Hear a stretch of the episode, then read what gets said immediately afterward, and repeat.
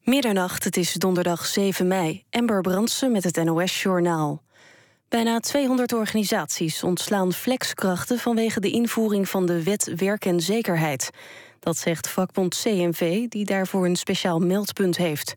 Op 1 juli gaat de nieuwe wet in. Flexwerkers krijgen dan recht op een ontslagvergoeding. ING kreeg recent nog veel kritiek... omdat het bedrijf 275 flexwerkers ontslaat voor 1 juli. Volgens het CNV was dat geen incident. Het valt de vakbond op dat het ontslaan van mensen met een flexcontract vooral speelt bij onderwijs, zorg, welzijn en andere overheids- en semi-overheidsdiensten. In Maastricht hebben 10.000 huishoudens weer stroom. 6.000 aansluitingen in met name Maastricht-Wijk zitten nog in het donker na een stroomstoring. De stroom viel rond half tien uit door een kleine brand in een transformatorhuisje. Het vuur werd veroorzaakt door kortsluiting. Wanneer alle huishoudens weer stroom hebben, is nog niet duidelijk. De architect van station Rotterdam Centraal wil geen hogere toegangspoortjes. Tegen RTV Rijnmond zegt ontwerper Jan Bentum dat verhoogde poortjes in de stationshal niet bij het nieuwe station passen. In Rotterdam springen veel mensen over de poortjes heen om zo het inchecken te ontlopen. De Tweede Kamer wil ze daarom verhogen. De architect is daartegen. Hogere poortjes maken volgens hem het station een stuk minder uitnodigend. In de halve finale van de Champions League heeft Barcelona thuis met 3-0 gewonnen van Bayern München. Messi scoorde twee keer, Neymar maakte kort voor tijd het derde doelpunt. Dinsdag is de return in Duitsland. Het weer vanuit het noordwesten trekken buien het land in. Vannacht daalt de temperatuur naar 10 graden. Komende ochtend wisselend bewolkt en vooral in het zuiden en oosten nog een bui. In de loop van de dag wordt het in het noordwesten vrij zonnig en overal droog. Het wordt dan maximaal 16 graden. Dit was het NOS Journaal. NPO Radio 1. VPRO. Nooit meer slapen.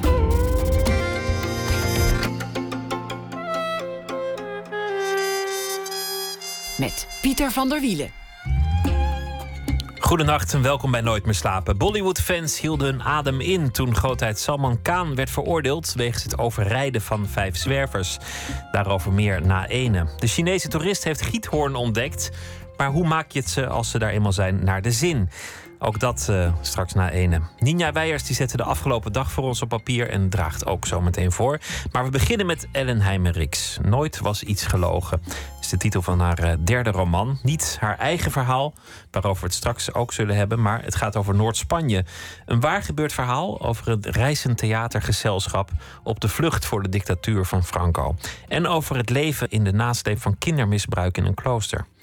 Het werd uh, uit eerste hand verteld aan een sterfbed. En zelf reisde ze ook naar Noord-Spanje om dit verhaal op te tekenen en te maken. Heimerichs werd geboren in 1963, komt uh, uit de regio IJmuiden. Debuteerde met het boek Blinde Wereld, schreef daarna Wij dansen niet. Beide geïnspireerd op haar eigen jeugd in de Noorse gemeente. Een streng gelovige groep waar haar ouders zich tot bekeerd hadden. Zelf keerde ze dat geloof uh, op haar negentiende de rug toe. Of op haar twintigste eigenlijk. En de sectarische groep daarmee ook. Voor dat debuut won ze de Academica Debutantenprijs. Welkom, Ellen Heimerichs. Dank je. We gaan het straks hebben over, uh, over Spanje en het, en het verhaal. Het is eigenlijk een nieuwe stap in het schrijverschap. Als je je eigen verhaal achter je laat en de wereld intrekt als, Ja. als schrijver. Ja, het is een heel andere wereld. En eh, wat voor mij heel moeilijk was, dat ik niet kon putten uit mijn eigen verleden. Of eh, eh, in mijn geval was het natuurlijk een religieuze wereld waar, waar heel veel eh, aspecten zijn die je eh, kunt gebruiken in een boek als een psychologische lading of, een, laag, een gelaagdheid, zeg maar. En die gelaagdheid die moest ik eigenlijk zelf ja, meer zoeken voor dit derde boek. Eh, het was een, het was, ik had twee verhalen eigenlijk. Eén verhaal over Peppe, de hoofdpersoon, hoofdpersoon, de mannelijke hoofdpersoon. En één over Juanita. En dan luister je naar hun verhaal en je denkt: wow, zo'n bijzonder verhaal. En het speelt zich af in zo'n moeilijke periode onder die dictatuur. En dan heb je dat zo goed mogelijk op papier gezet. En dan moet je het, tenminste, dat had ik het idee, dan moest ik het gelaagd maken. En ja, dat, was, dat ging in mijn vorige boeken makkelijker, omdat ik kon putten uit mezelf.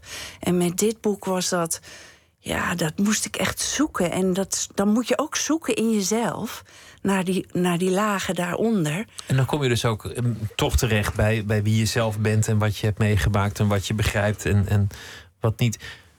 We laten het heel even rusten. Want we gaan het zo hebben over, over dat verhaal in, in Spanje. Maar eerst over jouw eigen leven. Want jij bent eigenlijk pas aan dit aardse bestaan begonnen op je twintigste, omdat daarvoor je hele bestaan in het teken stond van de hel. ja, de hel en de hemel, ja. Ben, ben je al gewend aan het, aan het aardse leven? Of, of is dat toch onwennig om, om je leven gewoon in teken te stellen van het hier en nu, het leven op planeet Aarde? Ja, wat ik bijvoorbeeld heel apart vond, was toen ik in dat geloof opgroeide en ik leefde daarin toen was de buitenwereld was oppervlakkig. De mensen waren oppervlakkig, egoïstisch. Die dachten alleen aan zichzelf. Een vijandige wereld. Ja, een vijandige wereld. Maar ook een wereld die oppervlakkig was... en nooit dieper nadacht over de zin van het bestaan. En, en dan ga je eruit. Je komt in die wereld uiteindelijk terecht. En nu is het voor mij juist andersom. Ik kijk nu naar die wereld waar ik eigenlijk in ben opgegroeid als, als eigenlijk heel oppervlakkig. Ik vind dat een hele oppervlakkige. Uh, wereld die niet verder kijkt dan wat hun voorgeschoteld wordt. En die vooral niet twijfelen, die alleen zekerheden zoeken en uh, geloven in die zekerheden. Terwijl dat voor mij heel oppervlakkig is. Dus dat is heel, heel apart dat je alles wat je dacht van de buitenwereld, van die slechte buitenwereld, het, dat dat eigenlijk niet zo is. Dat, dat het nu eigenlijk andersom is.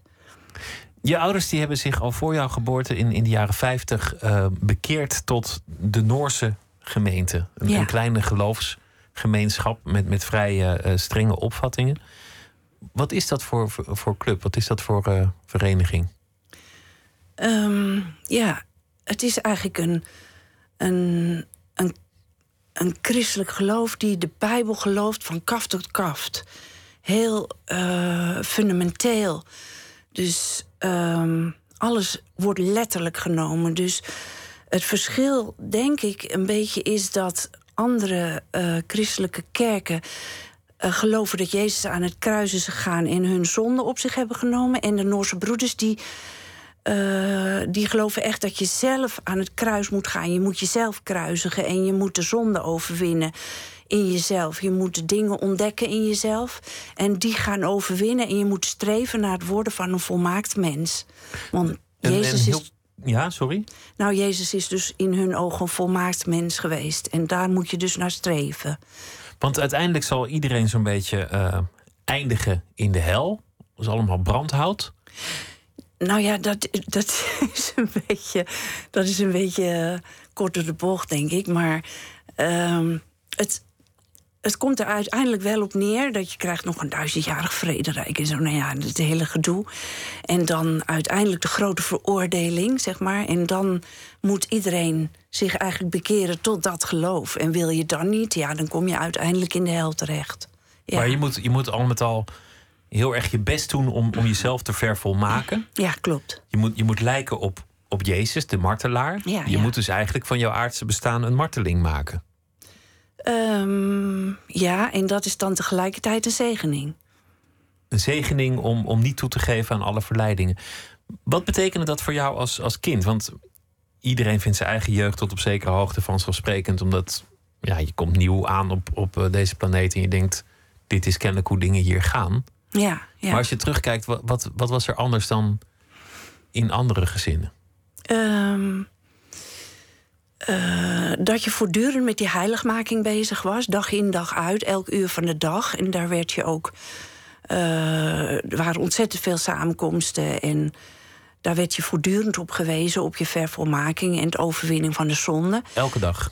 Ja, wel elke dag. Uh, ja, ja, en ook in die samenkomst, maar ook thuis. En hoe ging dat dan? Gingen jullie even in de kring zitten en het, en het daarover hebben? Of, of werd je er terloops op gewezen? Ja, je werd er ook wel, allebei wel. Maar je werd ook wel veel terloops op gewezen.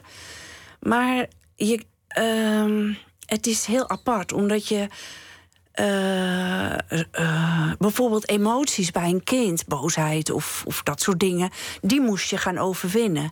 Dus je krijgt Dat is, ook dat is ijdelheid. Het tonen van emoties, Ja, dat is ja. al een, een aardse gedeelte. Ijdelheid, ja, dat is gewoon zonde. Dat zijn gewoon zonde. Je moet eh lief hebben en eh, vrede, vrede bewaren. En eh, je moet die slechte gevoelens die dan omhoog komen, ruzie maken. Dat, dat moet niet, dat mag niet. Maar je werd wel eens boos als kind. Wat, wat, wat gebeurde er dan? Nou ja, als je, als je echt boos werd, dan, dan kreeg je daar gewoon klappen voor. En dan, maar, maar wel liefdevolle klappen. Dus dan werd je er daarna op gewezen dat je, dat je verkeerd bezig was geweest. En dat je die zonde moest overwinnen, die drift of wat dan ook. Wat zijn liefdevolle klappen? Eh, liefdevolle klappen zijn. ehm, eh, een straf die niet, ook niet wordt gegeven uit een emotie. Niet uit als, als een vader zich ergert en die geeft uit ergernis omdat het kind zo vreselijk zeurt. Een klap, dan is dat ook uit een emotie. Dat is ook niet goed. Liefdevolle klappen worden gegeven uit liefde om van jou een beter kind te maken. Dat lijkt me gek genoeg toch ook makkelijker om te incasseren dan wanneer je vader het gewoon doet omdat hij, dat hij straal bezopen is. Of omdat hij een, een driftig karakter heeft. Als hij daarna zegt: ik, ik, ik doe dit omdat dat in het heilige boek staat. en je weet dat het uiteindelijk goed voor jou is. Ja, maar het, is, het, is ook, het heeft ook hele rare psychologische gevolgen uiteindelijk voor een kind. Omdat je eh, bijvoorbeeld. ehm, ja, hoe moet ik dat nou.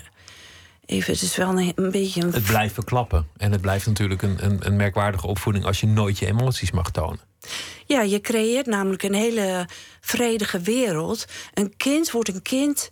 eh, daar is een voorbeeld bijvoorbeeld.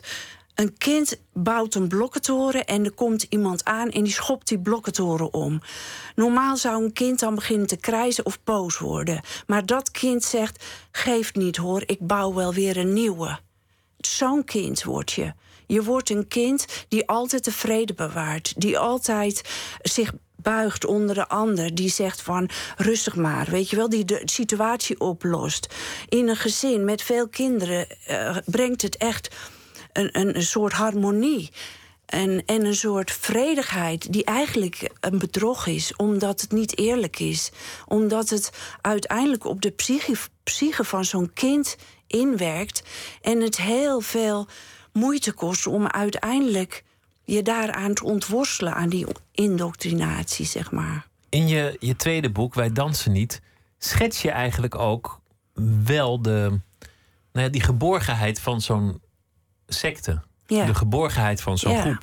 Ja, Je, je laat heel duidelijk zien hoe, hoe, het, hoe het niet alleen maar naar is als je er maar gewoon goed in zit en er maar gewoon goed in blijft. ja, dat is waar. En mijn idee is toch dat, dat je je dan ook niet ontwikkelt. Je ontwikkelt je tot een bepaalde hoogte in zo'n, in zo'n kring van mensen. Iedereen strijdt met zichzelf tegen al die narigheid in zichzelf. Dus we, dus, en die, die, daar kom je dan vervolgens nooit, want je komt nooit bij de volmaakte status. Dus je zit ook met elkaar allemaal in hetzelfde schuitje. Je hebt dezelfde nood over het feit dat je niet volmaakt wordt. Want het lukt toch niet om Jezus te worden. Ja, nou ja, maar streef je wel naar. En het is, het is, een, het is iets. Je zit in hetzelfde schuitje met elkaar. Dus je hebt ook heel veel steun aan elkaar. Je steunt elkaar allemaal. Maar. En het is heel harmonieus. En tegelijkertijd vind ik het heel. eh, het is heel bedrieglijk. Het is, het is een valse wereld. Uiteindelijk, dat is mijn optie. Dat, dat is mijn gevoel natuurlijk nu. Nu je, er, nu je eruit bent. Je mocht eh, niet naar de radio luisteren. Die, die is op een zeker ogenblik eh, eruit gegaan met de bekering van je ouders. Geen televisie thuis. Nee, Schoolreisje mocht je dan mee? nee, nee. Muziek? Eh, tot een bepaalde hoogte. Wij, ze stimuleerden muziek onderling voor het zingen van de liederen. Maar we mochten geen wereldse muziek luisteren. Niet, niet eh, klassiek of niet modern. Alles eigenlijk wat, eh, ja, wat werelds was, dat, dat mocht niet. En als iemand bijvoorbeeld best wel heel begaafd was in de muziek... en dan hogerop zou willen, dan wordt het eigenlijk meer eh te neergedrukt. Omdat je niet jouw roeping. Niets mag jouw roeping in de weg staan. In het eerste boek, Blinde Wereld, beschrijf je eigenlijk hoe eh, ja, die verleidingen een opgroeiende vrouw toch steeds bereiken. Je, je wordt verliefd. Ja, Eh, je wordt nieuwsgierig naar wat seks is. ja, ja. Je, je ja. wil muziek horen en, en verschillende groepen van elkaar onderscheiden. Je wil naar het strand. En alles steeds met een stem in het achterhoofd: dit is zondig, dit is slecht. Ja, ja, dat klopt. Vooral in de ontwikkeling, in je jeugd, daar, daar komt de meeste wrijving. Daar zie je dat. Dat is, ook een heel, dat is ook heel gevaarlijk, want tenminste nu in mijn ogen.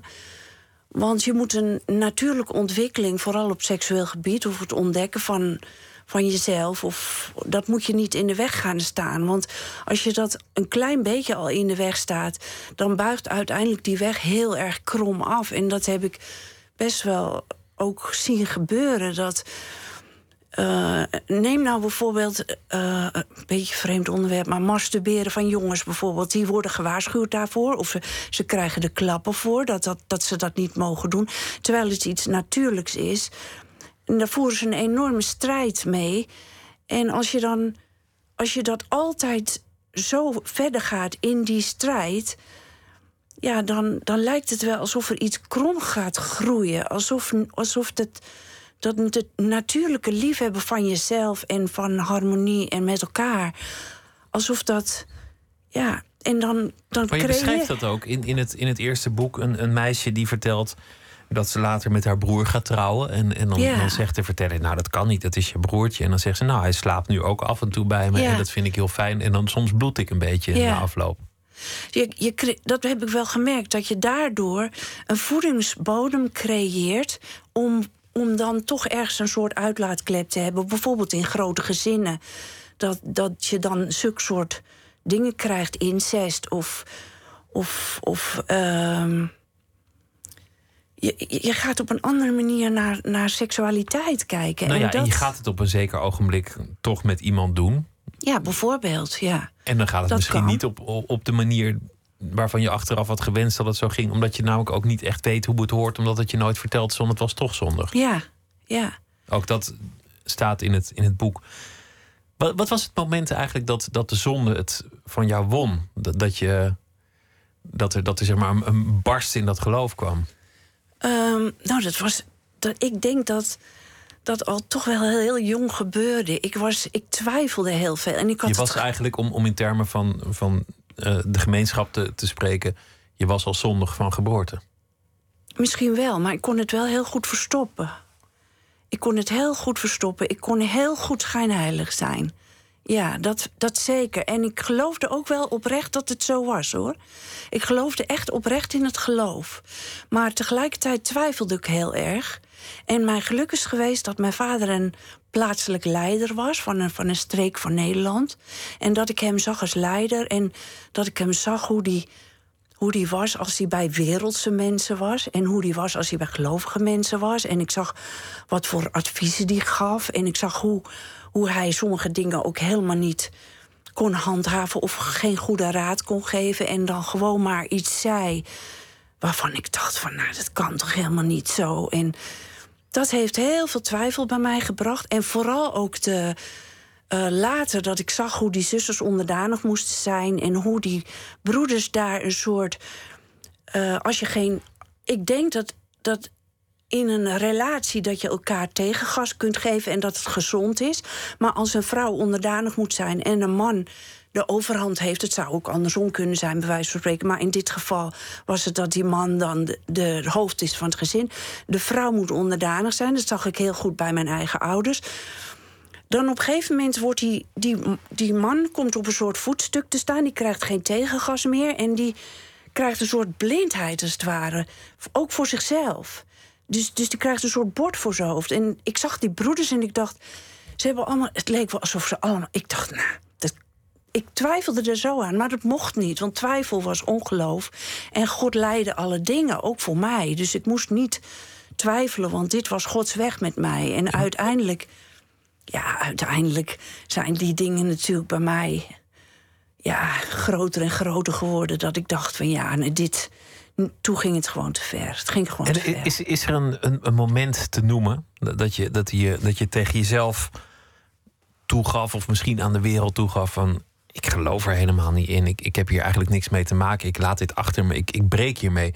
Met alle gevolgen van die natuurlijk. Ja, maar dat weet je van kinds af aan al. Je groeit er, je groeit er ook langzamerhand. Denk ik dat dat mijn groei is, mijn eruit groeien is geweest. Je kende de gevolgen, maar, maar wat was het moment dat je dacht: ik geloof niet meer? Want je bent nu helemaal van elke vorm van geloof af. Je bent niet naar Ja. een, een mildere kerk gegaan, of, of je gelooft niet dat er iets is, of dat, eh, dat, Dat God een wolk is, of wat dan ook. Je, je gelooft gewoon niks meer. Nee, maar dat gaat niet samen met het moment dat je eruit gaat. Als je eruit gaat, geloof je nog steeds. En dan geloof je ook, en dan bid je ook gewoon nog steeds.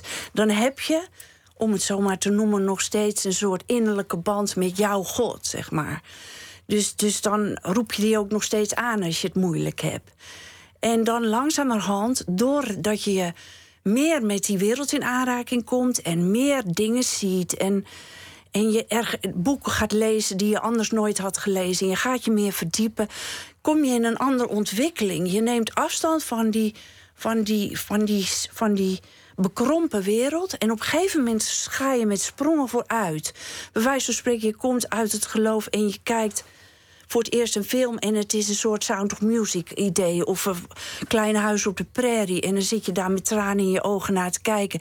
En een jaar later zit je naar dat klein huis op de prairie te kijken. Denk je, heb ik daarna gekeken? Wat een zoetsappige toestand, weet je wel? Zo ga je, Je beschrijft dat ook in, in, het, in het eerste boek, dat, dat eh, je hoofdpersoon dan voor het eerst naar een disco gaat met, Ja. eh, eh, met collega's en dan make-up opkrijgt. En, en eigenlijk gaat het ook mis, want ze wordt dronken en wordt dan door, door een, een meneer verleid om mee naar de wc te gaan Ja, en, ja. eh, en in zijn kruis te graaien.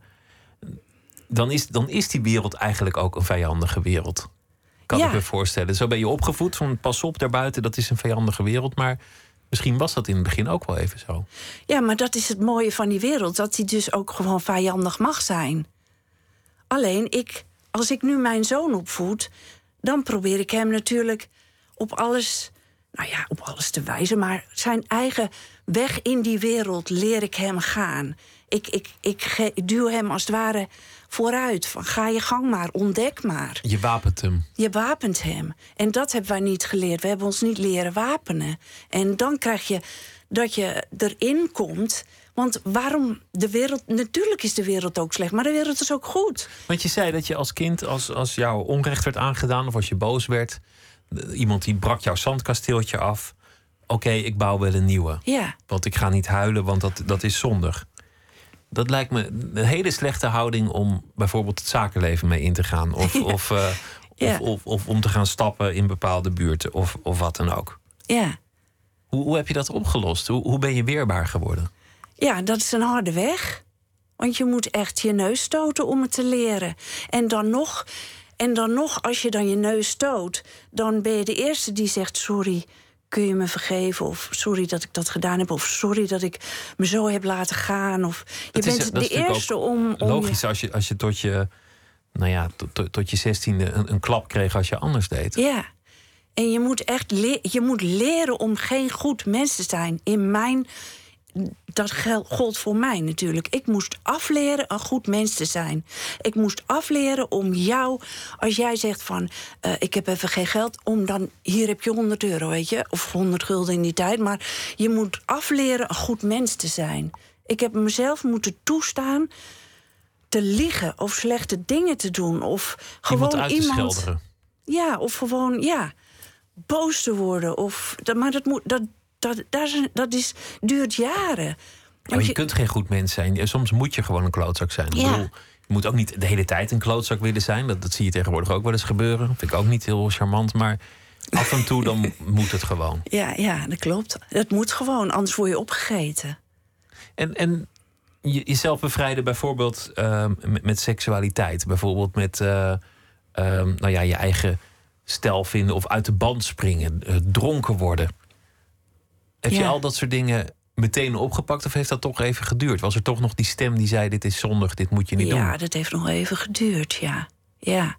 Terwijl ik natuurlijk wel, ik, ik het. eh, ja, dat, dat heeft dan eigenlijk met mijn derde boek te maken. Dat ik natuurlijk met, mijn, met de dochter van, van mijn hoofdpersoon in aanraking kwam, vriendschap kreeg met haar. Wat eigenlijk een wereldse vriendschap was natuurlijk. En, uh, en zij nam me mee naar, inderdaad naar dingen. En, en zij leerde, ook wel, leerde mij ook wel heel veel. Want die leerde jij kennen uh, toen je werkte bij de Hoogovens ja, ja, in, klopt. in Amuiden. Ja, ja. Uh, zij is nu ook hier aan de andere kant van Ja. deze studio. Ja, ja, ja. En ik was nog. Ik was met haar bevriend. En ik was al met haar bevriend toen ik nog in het geloof was. Dus, eh, en dat was eigenlijk al, ja, dat werd ten zeerste afgeraden. Want dan word je, krijg je wereldse invloeden. Nou, zij is dus eigenlijk natuurlijk nou de schuld dat ik eruit gaan. Nee, dat is flauw. Hè?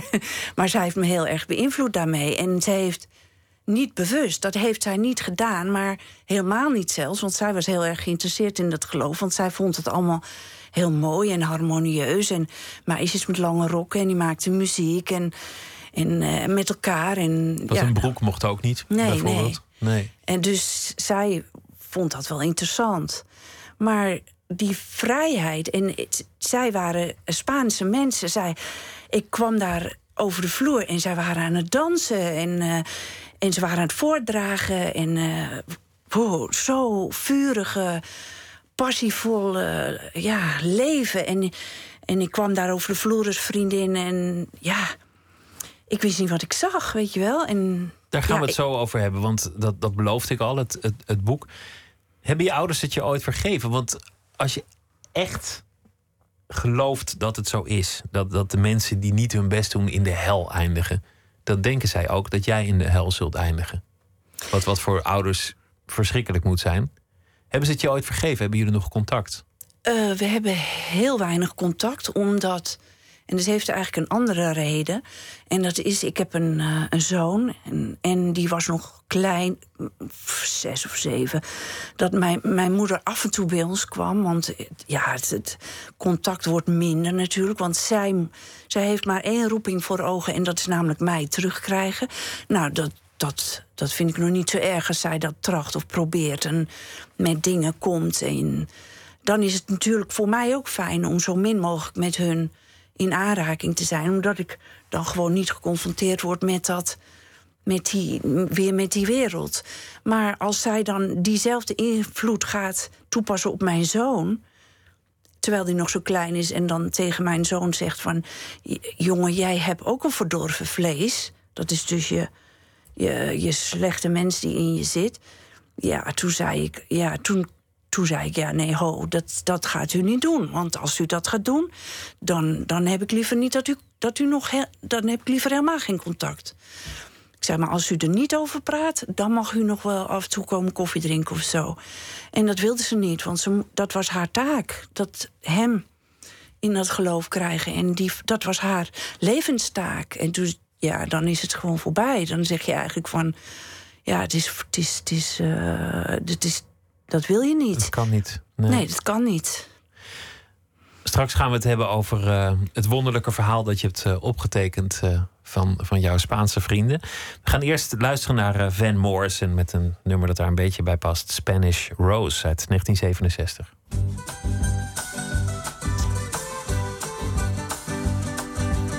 the wine beneath the bed, the things we done and said, and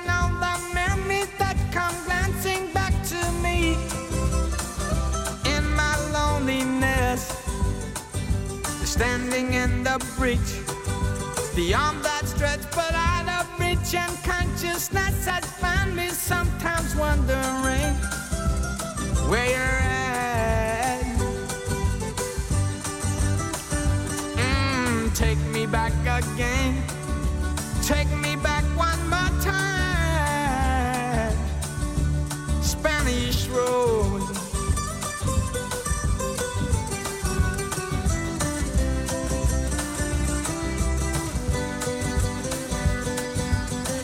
You pull the gate behind you when you said it ain't too late. Come on, let's swing the town and have a ball tonight. And hoping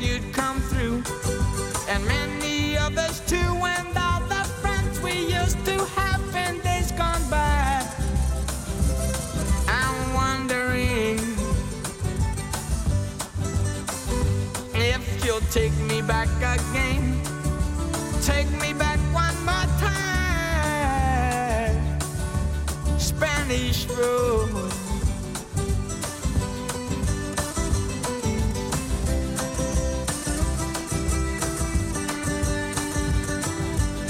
And when the lights went out, then no one was about another country in full bloom. In the room we danced. And many hearts were torn, and when the word went round that everything was wrong and just couldn't be put right, it tore me up, it tore me up, love. The way you held a note, the trembling in your thought, that just beginning of your wondrous smile, the rising of the water, the winter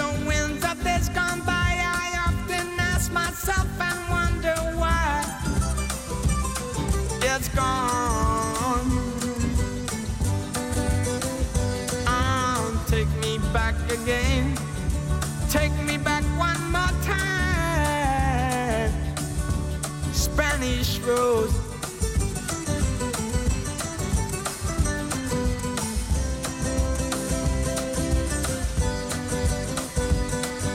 Slumber you did sleep. The window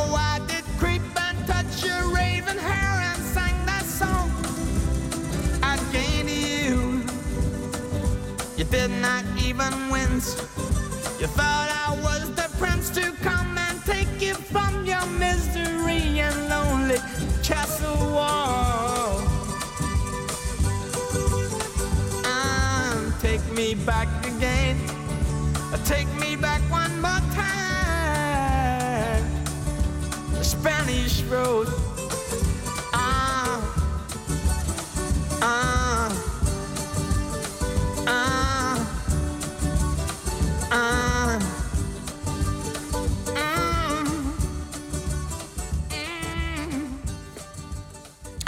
Van de Man van zijn debuutalbum Blowing Your Mind. 1967 Spanish Rose. Nooit meer slapen in gesprek met eh, Ellen Heimerichs. Zij is eh, schrijver, schreef eh, eerder Blinde Wereld en Wij dansen niet. En nu een nieuw boek en Nooit was iets gelogen. Je vertelde er al iets over. Je, je werkte in hoge ovens in, in Amuiden. Staal en ja, enorme dingen die daar gebeuren. En daar werd je bevriend met een Spaanse collega... die jou de zondige wijde wereld eh, mee insleurde. En jou daarmee ook geholpen heeft in, in jouw leven. Die jou dierbaar is. Ja, ja. En op een zeker ogenblik kwam jij het, het verhaal te weten. Dat eigenlijk gaat over haar moeder, Juanita. Ja, En over eh, Pepe, ja. de man. Die op zijn sterfbed eigenlijk vertelt wat hij heeft meegemaakt in, in Spanje. Ja. Was het jou toen meteen duidelijk, dit, dit is zo'n bijzonder verhaal. Hier moet ik iets mee gaan doen. Dit, dit moet ik gaan uitzoeken. Dit moet ik gaan opschrijven. Ja, dat had ik meteen. Dat ik, eh, al, dat ik dacht van als, ik, als het me lukt, dan wil ik daar ooit proberen een roman over te schrijven. Ik ben wel voor de romanvorm, zeg maar, dat ik zelf ook eh, fictieve eh, gedeeltes erbij doe. Of, of ja, Dat je er verhaal van maakt, een compositie. ja, ja. Maar dat verhaal was zo uniek. En ook, wat ik ook zo frappant vond, was dat de Juanita, zeg maar, die, die, die keek op een hele andere manier nog naar haar verleden. Die schaamde zich zelfs daar een beetje voor. Ze was nooit naar school geweest. Ze had nooit in een huis gewoond. Ze, ze woonde pas voor het eerst in een huis toen ze hier in Nederland kwamen wonen als gastarbeiders. En ze vonden het fantastisch. Ze kreeg voor het eerst een huis. Maar zij heeft altijd in het theatergezelschap geleefd. En eigenlijk was het geboren uit nood, omdat ze moesten vluchten voor eh, Franco, voor zijn dictatuur. Vertel eerst eh, het moment dat het verhaal verteld werd. Want ehm, Pepe die ligt op sterven. Het, het, het, het leven is eindig en het einde Ja. is, is, is in zicht. Ja, ja. Zat jij aan zijn bedrand en toen ineens kwam het verhaal? Of was er een reden waarom hij zijn verhaal toen ging vertellen? Ja, de reden was dat ik graag over wilde schrijven. Je, ik, ik kwam bij hun thuis en dan vertelden ze allemaal verhalen over, uh, over, over die, die partisanen die in die grotten verborgen zaten. En dat ze daar kwamen om, om daar voor die mannen te zingen of op te treden. En vroeger, en dan luisterde ik, weet je, en dacht ik: wauw, wat, wat is dit allemaal? Weet je, ik, ik vond het zo mooi. En toen zei ik tegen Pep, toen had ik mijn eerste boek geschreven. En ik zei tegen Pep: Ik zou zo graag over jullie leven willen schrijven. En toen had ik twee boeken geschreven en toen werd Peppe ziek. En toen zei hij, en hij vond het prachtig, hij had mijn boeken gelezen en hij zag hoe mijn leven was geweest en hoe ik in mijn boeken ook uh, fictie uh, bracht. En dus hij was daarmee bekend met hoe ik dat deed. En um, toen, zei hij, toen zei hij van nou, als je, als je wil schrijven erover, dan, ja, dan moet je het eigenlijk nu doen, want ik ben ziek. En toen ben ik eerst naar hun huis gegaan, want zij zijn uh, in Spanje weer terug gaan wonen. En, en toen kwam ik daar. In de zomer was dat. En toen lag hij al heel ziek eigenlijk op de bank. Met zo'n zuurstofapparaat. En ik kwam daar. En, en weet je wel, het was heel warm in Spanje. En hij had die, die dingen naar beneden. Die van de, voor de ramen om het koel te houden. En, en hij lag daar op de bank met zo'n zo'n pluche bank. Met allemaal van die knoppen erop. Zo, met van die krullig, krullerig houtwerk. En dan zo'n wit lakentje met zo'n zieke man daarop. En daar schrok ik heel erg van. En hij deed die zuurstofapparaat weg en hij ging, kwam helemaal overeind. En hij begon te vertellen. En hij, hij getuigde gewoon van zijn leven. Hij vond het zo mooi dat ik daar een boek over wilde schrijven. Dat alles kwam eruit, alles, weet je wel. En, en ik probeerde het op te schrijven en ik probeerde ja, het te onthouden en aantekeningen te maken. En ja, ja, dat was gewoon zoveel. En toen moest ik alweer terug naar Nederland. En toen hebben we afgesproken, toen werd hij nog zieker. Toen lag hij in Barcelona in het ziekenhuis. En dat was ook zo apart. Het was heel anders dan hier in het ziekenhuis. Want daar lag je in het ziekenhuis en ik mocht er gewoon vier dagen bij zijn.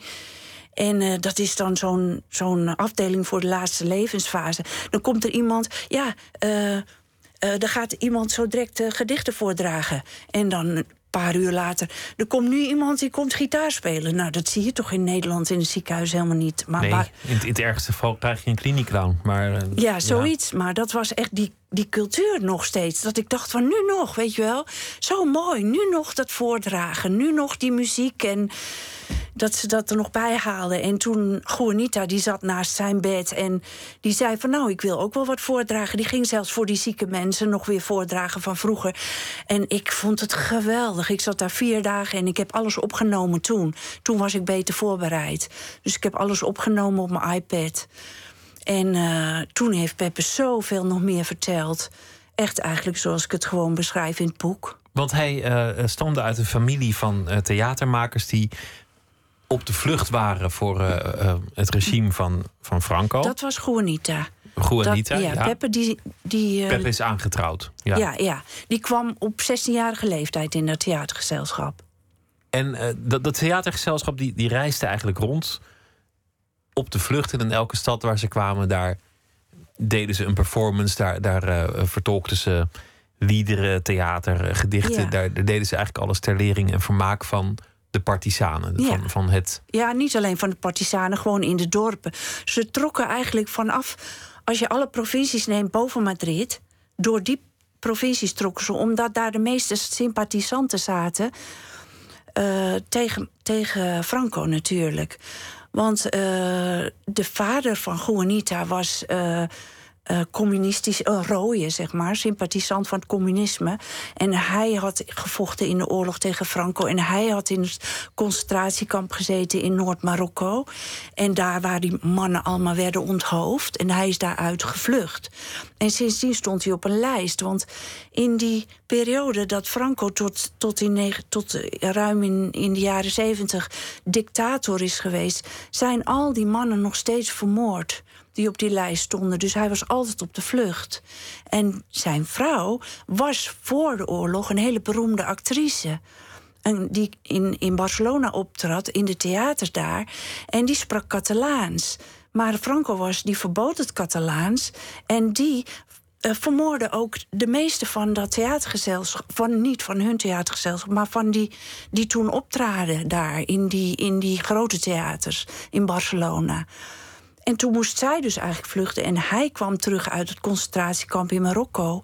En hij moest ook vluchten voor Franco, allebei eigenlijk. En zodoende hebben ze gewoon alles verlaten. Hun huis in Barcelona. En ze hadden natuurlijk eh, net Juanita als babytje... en nog een twaalfjarig meisje en nog een zus. En toen dacht die moeder van... nou, dan ga ik net doen alsof ik een theatergezelschap ben. Want eh, zij was een actrice, dus zij kon dat ook. En zij zorgde voor vervalste papieren en voor... Voor uh, ze moesten speciale papieren hebben om te mogen optreden. Dus zo trokken ze door al die noordelijke provincies. Want daar waren de dorpen, waar ook sympathisanten zaten natuurlijk van, uh, van, van, de, van de rooien, zeg maar. Dat was een, een, deel van het verhaal. het verhaal van Peppe, dat is dicht, eigenlijk dichter bij uh, de, de, wereld waar jij zelf uitkomt. Namelijk een, een jongen die in zijn jeugd misbruikt wordt ja. door een geestelijk in het, in het klooster waar hij Ja. onder is gebracht. Ja, klopt. En, Ja. en dan wordt hem eigenlijk ook verteld, net als in, in jouw jeugd, van dat het uiteindelijk een doel dient. Dat je daarmee geheiligd wordt. Als, als, Ja.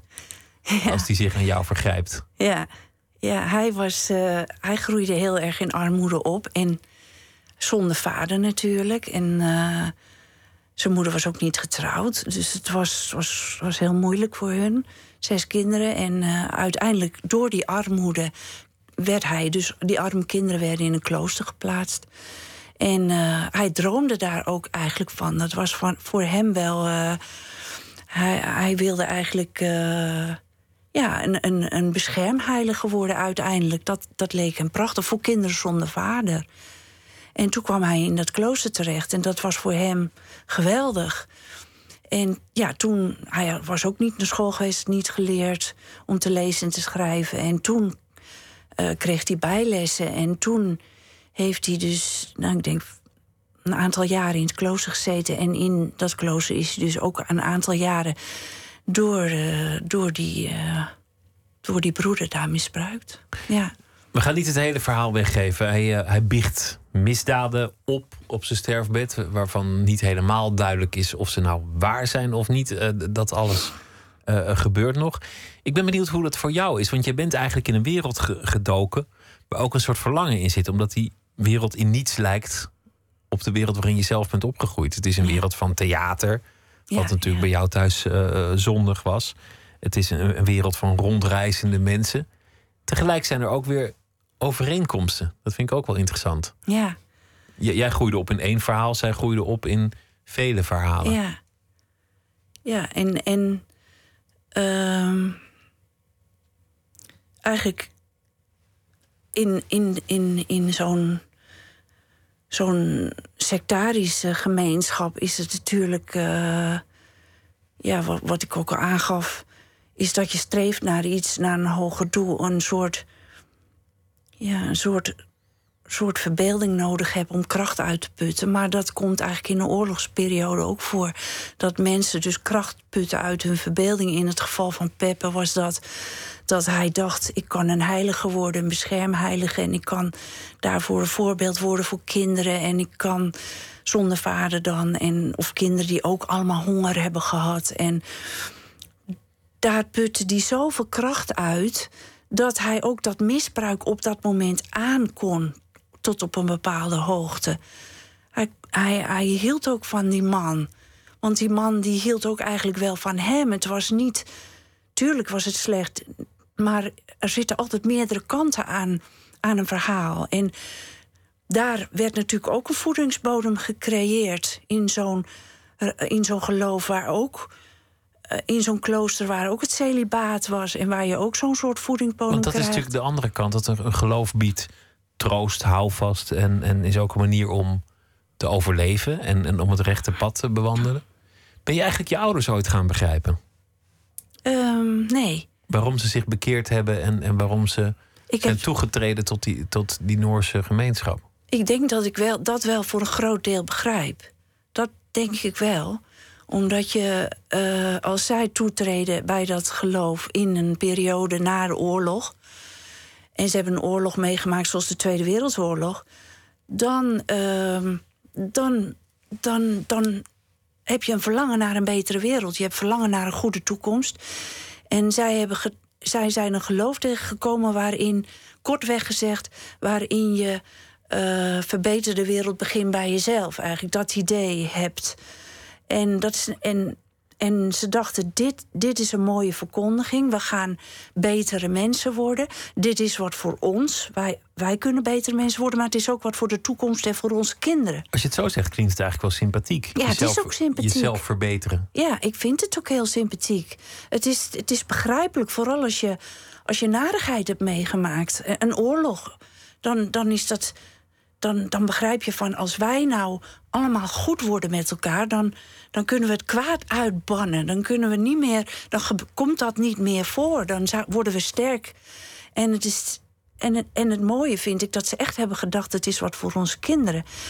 En dat hebben ze in een soort euforie gedaan van. van ja, ja en daar zijn ze heel.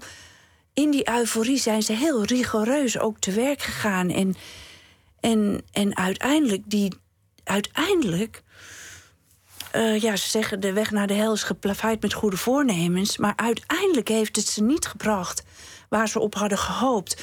Dus je kunt zeggen van de toekomst is de, dat wat ze toen als toekomst hebben gezien, die toekomst is er nu. Nu kun je zeggen, in mijn geval, in het geval van mijn ouders, eh, wat heeft het opgebracht? Heeft het ons werkelijk dat geluk opgeleverd? Dan zouden we nu moeten zeggen, nee, niet. Het heeft ons juist uit elkaar gedreven. Het heeft ons, ons gezin kapot gemaakt eigenlijk. En met ons veel van die andere gezinnen in het geloof. En dat is iets wat, wat ze nooit onder ogen zullen willen zien. Want dan, dat is te moeilijk. Maar ik ben ook benieuwd hoe dat. eh, jij bent eruit gestapt. Je, je bent nu verder gegaan. Je hebt boeken eh, geschreven die, die hebben lof geoogst. Eh, je hebt een, een man, je hebt een kind, je hebt, je hebt vrienden, eh, je maakt reizen. Alles is in die zin verder gegaan. Maar de, de ideeën uit je jeugd die zijn hardnekkig. Dat merk ik zelf ook. Omdat dat je, je brein is dan nog zo goed. En, en je hebt toch geen andere ideeën om het aan te toetsen. Dus die, die keren vaak terug. Ja. Heeft het een gat achtergelaten? Het, het eruit gooien van zo'n overheersend verhaal.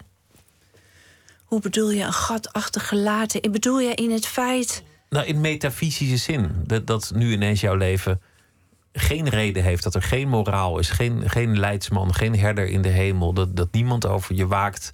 Dat het leven gewoon zoals voor de meeste mensen zinloos is. Ja, maar dat is toch eigenlijk fantastisch? dat is ik- bevrijdend. Ja, dat vind ik bevrijdend. Dat vind ik bevrijdend omdat je dan volledige verantwoordelijkheid neemt voor jezelf. Je, haakt het je hangt het nergens meer aan haakjes op. Jij neemt volledig verantwoording voor jezelf en dat is het mooiste wat er is. En dan is alles veel puurder, veel echter. En, en eerlijker, naar mijn idee nu. Ik vind dit eerlijker. Je volgende boek, daar ben je al heel ver mee. Ja. En dat zal toch weer deels geïnspireerd zijn op dat geloof waar je, waar je uit afkomstig bent. Ja, ja, dat klopt. Waarom, is dat, waarom blijft dat verhaal je zo boeien?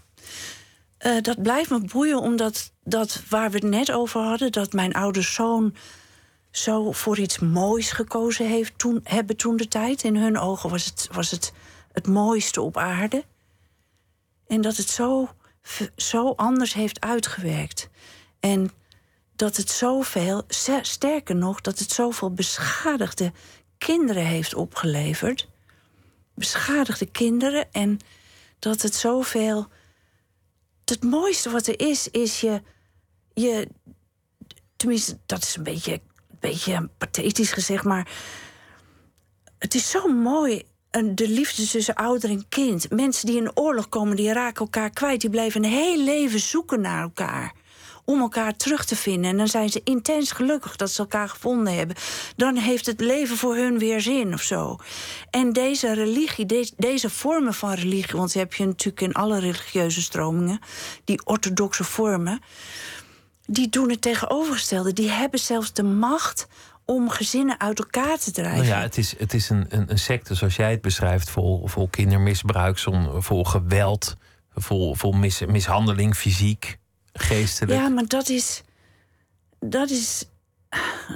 Kijk, dat is bijvoorbeeld. Dat vind ik eigenlijk hetzelfde als met de katholieke kerk, die zo veel aandacht heeft gehad over het misbruik wat er gepleegd is. Dat is niet alleen de katholieke kerk. In alle orthodoxe stromingen waar een, waar een, een voedingsbodem wordt gezaaid op het gebied van seksualiteit.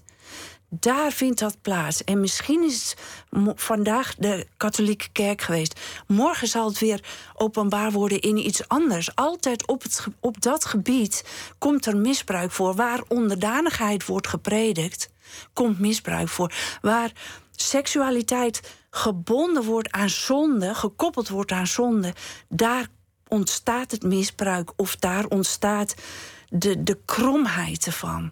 En dat komt overal voor, volgens mij. En uiteindelijk is volgens mij eh 95%, 96% van de wereldbevolking toch gelovig. De, de, de mens is daar volgens mij evolutionair of zo voor, voor uitgerust. Ja, ja dat ik, geloof ik weet het niet. Ja, ik, ik heb het zelf nooit zo aan de hand gehad. Maar Ja, maar dat is, dat is dus dat er ook troost, dat er troost. En er zit dat mijn moeder daar drie kinderen niet, niet of nauwelijks ziet en toch gelukkig is, dat is de kracht van de verbeelding. De kracht van het geloven in je illusies. Dus je schept een illusie en daar put je kracht uit. En dat is ook wat natuurlijk in het boek, dat Spaanse boek, eh, tevoorschijn komt. En de kracht van verbeelding en, en een verhaal dat je, dat je helpt. ja, en dat je iets schept om jezelf te troosten. Je schept een illusie voor jezelf om, om, om te overleven of stand te houden in een moeilijke situatie. Of ja, om rust te vinden. Om het vol te houden. Ja. Het boek heet En nooit was iets gelogen. Ellen Heimerichs, dank je wel. En heel veel succes eh, ook weer met het volgende boek en met eh, alles wat je, wat je nog gaat doen. Dank je. Dank je wel. We gaan luisteren naar eh Janne en de Darlings. Voor hun eigen succes eh, mochten ze gaan. Maar ze waren toch vooral eh, bekend als achtergrondzangeres van Otis Redding bijvoorbeeld. We draaien nu een liedje van hunzelf. How, to, How Can You Mistreat the One You Love?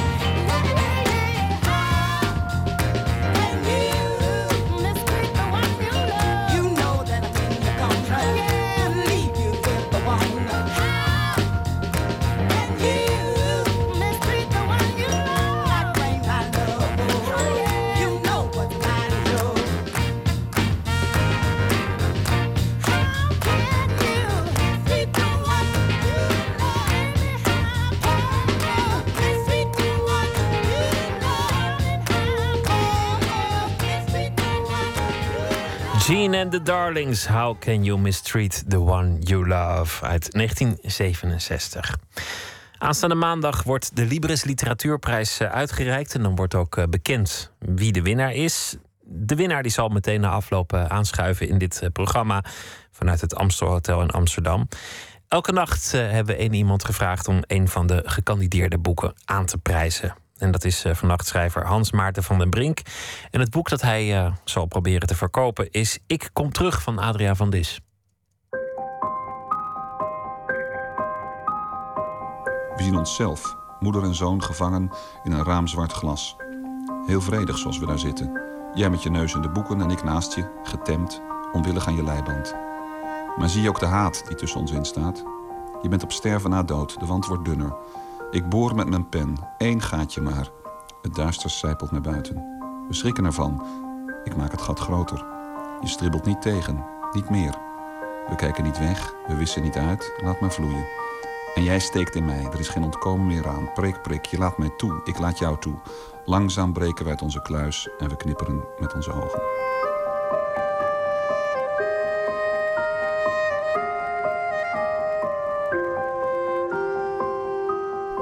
Boek is een uh, moederzoegen, variant op vaterzoegen, zeg maar.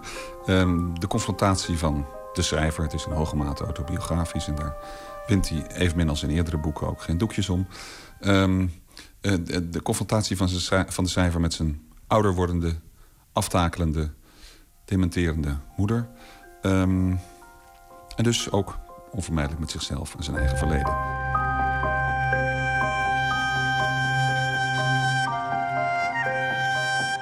Adriaan van Dis heeft in eerdere boeken zich zeer uitgebreid met zijn vader bezig gehouden. Um, en dit is op allerlei manieren eigenlijk interessanter. Waarom? Um, die vader was een soort boeman. Maar de moeder was altijd een beetje in de schaduw, was, was het slachtoffer. En in, in dit boek uh, gaat um, de schrijver uh, door de confrontatie met de moeder veel meer ook die met zichzelf aan.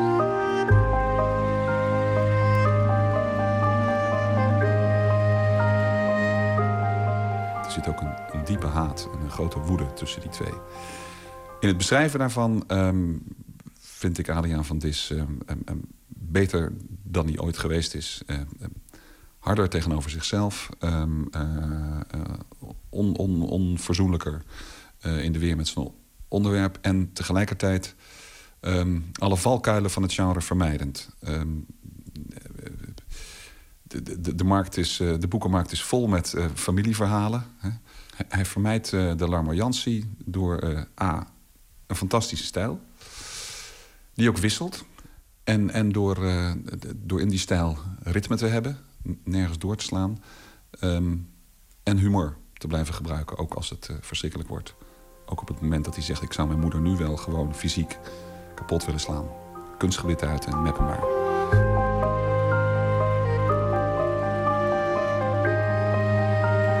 Het is, uh, het is briljant uh, geschreven in verschillende registers... Uh, zonder dat, dat de, de taal um, het verhaal overwoekert. En dat is knap. Hij behoort natuurlijk tot die kleine categorie mensen... of misschien is hij wel een categorie in zichzelf... die we ook op een andere manier kennen of denken te kennen. Namelijk door de publieke personen. Hij is ook de televisiepresentator... en de gevatte, elegante, lichtbekakte enzovoort... Dat heeft voor een schrijver een voordeel en een nadeel. Het voordeel is uh, dat de boekverkoop daarna wordt opgestuurd. Het nadeel is dat je denkt, om, om het is die man. En je denkt hem al te kennen. En, um, en, het zou zelfs een nadeel kunnen zijn... Uh, dat men denkt, ja, maar het is toch die televisiepresentator. Um, die moet geen literaire prijs krijgen. Um, en dat heeft hem misschien wel eens in het verleden parten gespeeld. Nou, het moet winnen. Ik denk dat het uh, het sterkste boek is uh, uh, in, in deze bepaald niet zwakke shortlist. Ik heb één bezwaar genoemd. Dat, dat men te veel denkt aan wie Adriaan van Dis nog meer is. Maar dat mag niet tegen hem worden gebruikt. Dit, dit moet gelezen worden als taal, als stijl, als verhaal. En dan, is het, dan getuigt het op alle fronten van meesterschap.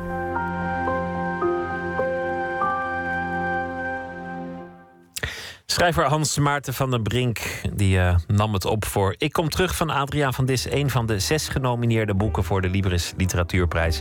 Aanstaande maandag de uitreiking en de winnaar in dit programma. Zometeen uh, gaan we het hebben over uh, Bollywood. Ninja Weijers heeft een verhaal geschreven naar aanleiding van iets dat de afgelopen dag is gebeurd. En we hebben het ook over de Biennale van Venetië, want dat is ook weer aan de gang. Twitter, het VPRO NMS of via de mail nooit meer slapen, het VPRO.nl.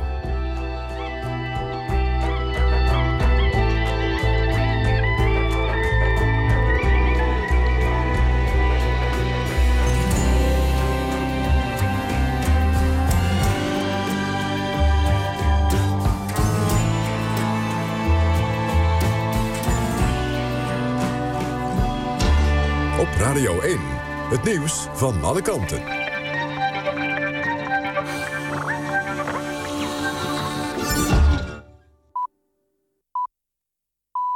1 uur, Amber Brandsen met het NOS-journaal. De regering in Jemen roept de internationale gemeenschap op... om grondtroepen te sturen in de strijd tegen de Houthi-rebellen in het land. Dat schrijft de VN-ambassadeur van Jemen in een brief aan de VN-veiligheidsraad. De Houthis hebben grote delen van Jemen in handen. De zittend president Hadi is vanwege het geweld naar Saoedi-Arabië gevlucht. De Saudis vallen de Houthis in Jemen al wekenlang vanuit de lucht aan... maar dat heeft hun opmars tot nu toe niet gestuit. Bijna 200 organisaties ontslaan flexkrachten... vanwege de invoering van de wet werk en zekerheid. Dat zegt vakbond CNV, die daarvoor een speciaal meldpunt heeft. Op 1 juli gaat de nieuwe wet in. Flexwerkers krijgen dan recht op een ontslagvergoeding. ING kreeg recent nog veel kritiek omdat het bedrijf 275 flexwerkers ontslaat voor 1 juli. Volgens CNV was dat geen incident. De architect van station Rotterdam Centraal wil geen hogere toegangspoortjes. Tegen RTV Rijnmond zegt de ontwerper dat de verhoogde poortjes in de stationshal niet bij het nieuwe station passen. In Rotterdam springen veel mensen over de poortjes heen om zo het inchecken te ontlopen. De Tweede Kamer wil ze daarom verhogen. Volgens de architect maken hogere poortjes het station een stuk minder uitnodigend. Een Belgische basketbalcoach die zijn speelsters onder de douche filmde... is in hoger beroep vrijgesproken. De coach werd in 2011 op heterdaad betrapt. Bij hem thuis werden meer filmpjes van douchende vrouwen gevonden... onder wie minderjarigen. Hij bekende dat hij de vrouwen maandenlang had bespied. In eerste instantie kreeg de man een voorwaardelijke celstraf van 18 maanden. In hoger beroep stelde de rechter dat de man niets strafbaars heeft gedaan... omdat hij de vrouwen tot niks heeft gedwongen... en het videomateriaal ook niet heeft verspreid. Het weer vanuit het noordwesten trekken buien het land in. Vannacht daalt de temperatuur naar 10 graden. Komende ochtend wisselend bewolkt en in het zuiden en oosten nog een bui. In de loop van de dag wordt het in het noordwesten vrij zonnig en overal droog. Het wordt dan maximaal 16 graden. Dit was het NOS Journaal. NPO Radio 1. VPRO. Nooit meer slapen.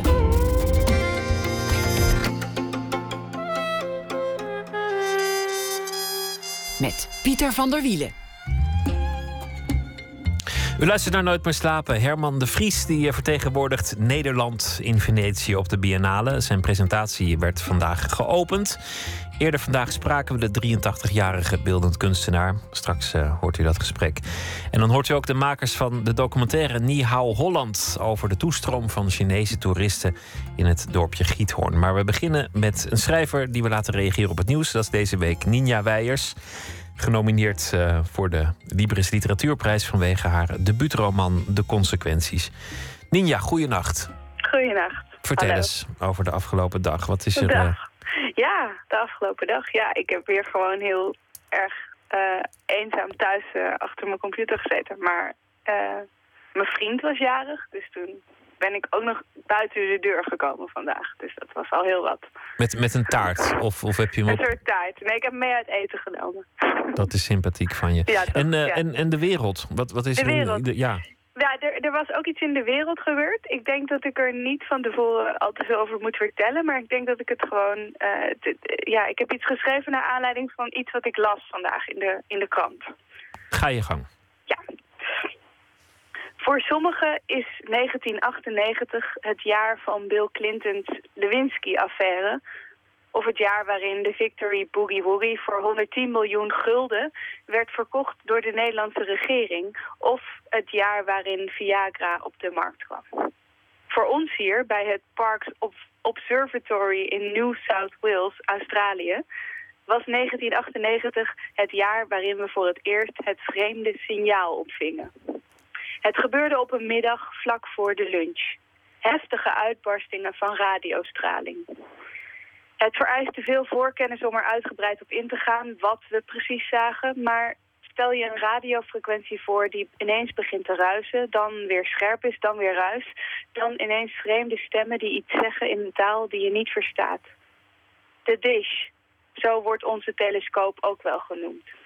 Om je een indruk te geven, hij heeft een omtrek van 64 meter en draait in 15 minuten een rondje om zijn eigen as. Toen Buzz Aldrin in 1969 de tv-camera inschakelde om Neil Armstrongs eerste stappen op de maan vast te leggen, was de dish een van de drie antennes om op aarde de signalen op te vangen, zodat het rechtstreeks kon worden uitgezonden op de tv. Iedereen denkt altijd alleen maar aan Amerika, maar in Australië leven heus niet alleen maar kangoeroes. Toen we de mysterieuze signalen voor het eerst waarnamen, waren we nu niet direct geschrokken. Er was iets verkeerd afgesteld, een storing van het een of ander. Maar zelfs na uren zoeken konden we niets vinden. We lieten het erbij. Het waren het incident zelfs al bijna vergeten... toen een paar maanden later precies hetzelfde gebeurde. Vanaf toen keerde de straling zo'n twee tot vier keer per jaar terug. We durfden het nauwelijks hardop uit te spreken... maar heel langzaam begonnen we rekening te houden met intergalactische tekenen van leven... Tien jaar geleden, op een mooie lentedag in 2005, benoemden ze mij tot hoofd van het onderzoeksteam. Het was een kans, besefte ik. Ik kon de geschiedenis ingaan als de eerste astronoom die buitenaards leven had waargenomen. De opwinding groeide toen we ontdekten dat de signalen van niet al te ver weg afkomstig waren. Ik zag ruimtemissies vormen, grootste stappen voor de mensheid, een Nobelprijs. Vorig jaar nam ik een, op zijn zacht gezegd zeer middelmatige promovenda aan in mijn onderzoeksgroep. Ik was al maanden aan het broeden op manieren om van haar af te komen toen ze gisteren mijn kantoor binnenkwam stuiven. Een uur later had ze mijn leven verwoest. Alle dromen die ik al bijna twee decennia lang geduldig koester, in één keer weg. Mijn levenswerk gereduceerd tot de magnetron in de personeelskantine. Microgolven waren het al die tijd geweest. Ordinaire microgolven van nog geen twee centimeter lang. Ik barstte in lachen uit, maar het was, geen het was een ongecontroleerd lachen. En ik lach nog steeds. En ik ben bang dat ik er nooit meer mee kan ophouden. Wat een tragisch verhaal. ja, het is een beetje een tragisch verhaal. Ze, ze dachten dat E.T. eindelijk belde en, en toen was het de magnetron die, die, uh, die voor ruis zorgde in de, in de apparatuur. Ja, Ach, ik, vond, ik vond het enorm komisch toen ik dat las. Ik weet niet of, je, of het nieuws was, maar ik las het ineens ergens. Nou, een, een, een, een, een, prachtig verhaal inderdaad. Ja. ja. Nou ja, ik denk wel dat er buitenaards leven is ergens. Ja, dat kan niet anders. Nee, dat kan, dat kan statistisch kan dat niet anders. Maar ik denk dat we er tegelijk misschien ook wel nooit achter zullen komen. Dat, dat we, dat we elkaar nou, nooit zullen... Ja. Pieter, je moet hoop houden. Ooit komen we erachter. Ja, vast maar, wel. Maar deze, deze astronoom helaas niet. Na Nee. 17 jaar. Nee.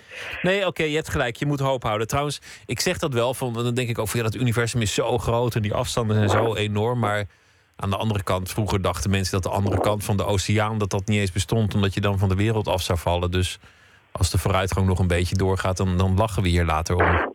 Precies. Laten we het hopen. Dat Hoop iemand houden. toch die Nobelprijs krijgt daarom. Maar goed, het pad naar de Nobelprijs is eh, bezaaid met teleurstellingen. En soms Ja. zijn die teleurstellingen zo groot dat die Nobelprijs er ook niet komt. Dankjewel, Ninja Weijers. En eh, morgen weer een verhaal. Goeienacht. Morgen verkiezingen in eh, Groot-Brittannië. Belangen zijn groot. De tegenstellingen zijn ook groot. Singer-songwriter Laura Marling brengt in het volgende nummer een ode aan dat vaderland. Goodbye England, covered in snow.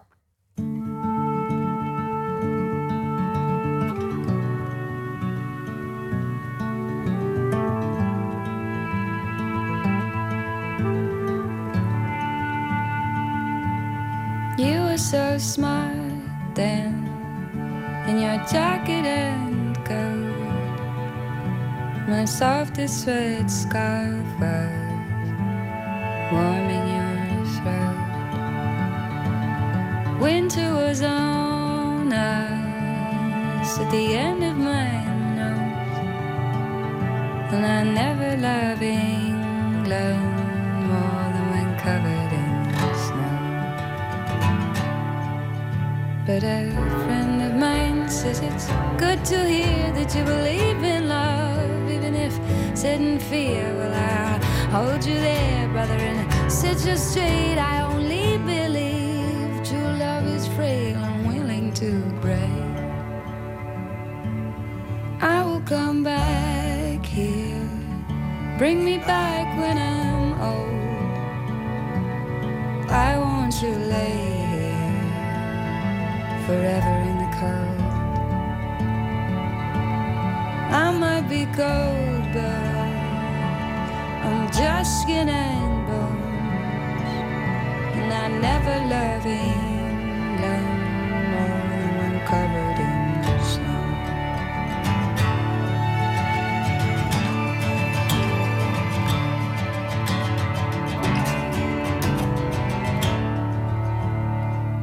I wrote my name in your book. God knows why. And I bet you that he cracked a smile. And I'm clearing all the crap out of my room. Trying desperately to figure out what it is that makes me blue. And I wrote an epic letter to you.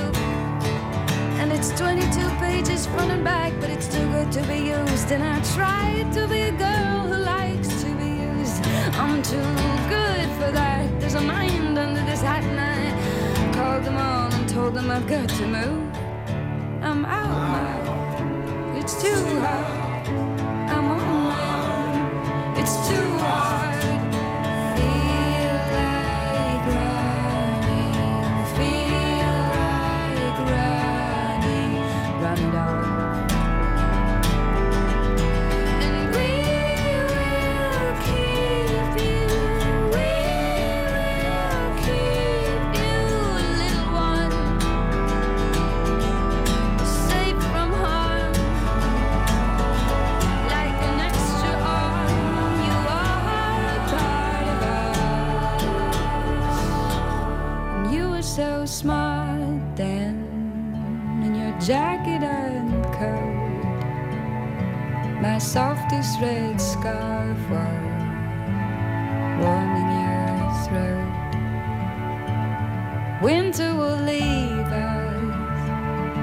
Left the end of my nose. But goodbye, old England, until next year's snow.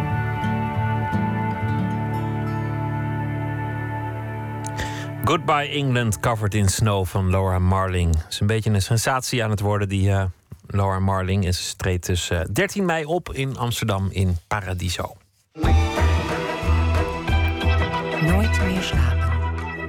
In Venetië werd eh, vanmiddag op de Biennale het Nederlandse paviljoen geopend door eh, Hare Excellentie minister Jet Bussemaker. Nederland wordt vertegenwoordigd door de 83-jarige Herman de Vries. De keuze voor hem wordt opmerkelijk gevonden. Hij maakt geen eh, flitsende videokunst of interactieve installaties. Nee, hij maakt eerder iets wat ouderwets. De natuur. Hij toont de natuur. Gewoon zoals die is eigenlijk, zonder er al te veel aan te veranderen. De Vries woont en werkt al 45 jaar eh, in een piepklein dorpje in Zuid-Duitsland. Eh, gebruikt het aangrenzende natuurgebied als atelier en schroomt niet de bomen of eh, in het geval van Venetië hele eilanden tot kunstwerk te verheffen. Remy Colau reisde af naar het Biennale Circus om hem te spreken. Ik hou van de uitdrukking een open deur intrappen. Ik trap altijd open deuren in. Die deuren zijn open, maar de mensen zien ze niet. Waar de meeste mensen een half vergaan stuk zeewier zouden zien, ziet Herman de Vries een schilderij. En die steen, die ieder ander links zou laten liggen, is in zijn ogen een sculptuur. Herman de Vries stelt de natuur zelf tentoon. Gewoon zoals hij voorhanden is. Zoals nu bijvoorbeeld op de Biennale in Venetië. Wie het Nederlands paviljoen betreedt, ruikt rozen. door de tienduizenden gedroogde rozenknoppen die in een cirkel op de grond liggen. Er vlak naast liggen stukken verkoolde boomstronk, die bij betere beschouwing heel bijzonder blijken te zijn. En ook zijn er twaalf stenen, plechtig op twaalf sokkels geplaatst. De Vries heeft ze tot kunstwerk verheven. En daardoor worden die ordinaire stenen nu opeens aandachtig bekeken door het publiek. Ja, om het waarne- waarneembaar, ervaarbaar eh, te maken, heb ik een sokkel, heb ik een ruimte nodig waar de dingen geïsoleerd zijn. Je, kan ze beter zien, anders loop je eraan voorbij en loop je er overheen.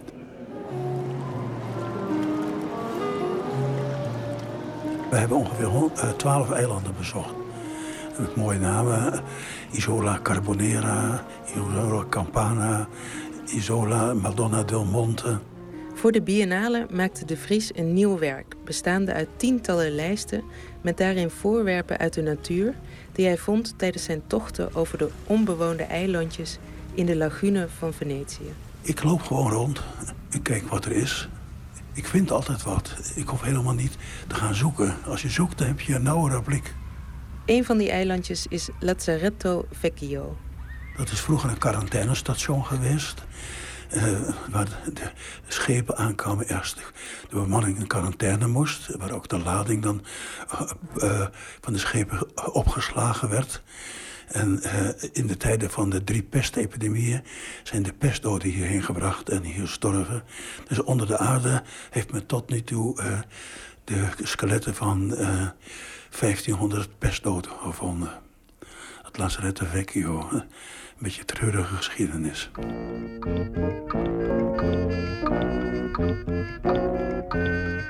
Het is de openingsweek van de biennale. En dat blijkt een heel circus. Herman de Vries heeft het in 50 jaar zelfs nog nooit zo druk gehad, zegt hij. Op deze dag mag de pers mee naar het onbewoonde Lazzaretto Vecchio. Om te filmen en te fotograferen. Het lijkt bijna een beetje op het fotomomentje met het koninklijk paar in Leg. Herman de Vries laat zich tussen de ruïnes in het hoog opgeschoten gras gewillig fotograferen. Hier en daar neemt hij plaats op een stoel en verspreidt zijn wijsheden. Het is altijd een uitgangspunt waar je altijd om je heen kan kijken. Zorgzaam in de gaten gehouden door zijn vrouw en assistente Suzanne en een arts. Als hij denkt dat niemand kijkt, zucht hij soms even. Des was hier. Her en der op het eiland heeft de Vries teksten geplaatst. Des was hier. En onder ons, hier en daar, liggen de graven, de kuilen met de lijken, de, de resten van tot nu toe ontdekte 1500 pestdoden. En je eh, bent bewust met zo'n geschiedenis eh, dat eh, het niet altijd duurt. En dat, dat het plotseling het een einde kan zijn. En eh, dat is goed om te weten. Je, eh, zoals Janis Joplin zei: You have it today, you don't have it tomorrow. Tomorrow never happens. It's all the same fucking day, man. En daarom is voor, voor mij Janis Joplin op deze plek een goede filosoof. De volgende tekst is Be aware. Dus eh, zij het gewaar. Zij het wa- wakker. Zorg altijd dat je zintuigen alles om je heen bemerken. Be aware. En eh, al deze kleine plaketten zijn maar heel bescheiden in dit landschap. Maar Het kan gewoon zijn dat spoedig de vegetatie komt en overheen groeit. Ik heb ook niet veel grote eh, reclametafels nodig om mijn teksten kwijt te worden. Ik kan heel bescheiden een tekst op de grond leggen. Dat is genoeg. Wel in gouden letters. Maar wel in gouden letters. En een goede raad. Be aware. Weet u nog eh, hoe het was om hier voor het eerst te komen? Ja, toen was het, helemaal, was het eh, ordelijk afgemaaid. Maar het is prachtig dat het alweer een beetje verwildert. Omdat, ja, de natuur die eh, moet zich manifesteren. En wat is hier allemaal te zien in de vegetatie? Aan prachtige dingen. Kijk eens naar een stadspark of naar een privaattuin... waar elke week het gras gemaaid wordt. Dat is één soort gras die daar groeit. Hij is afgesneden, het is alleen maar een groen dek. Eh, dat is orde. Maar orde kan soms heel eh, vervelend, eh, of in Duits gezegd langwijlig zijn. En hier manifesteert zich zoveel wat, wat prachtig is. Dat, ik heb dat liever. En ik wil het ook graag laten zien. Het is rijk. En het gemaaide grasveld is heel, meestal arm.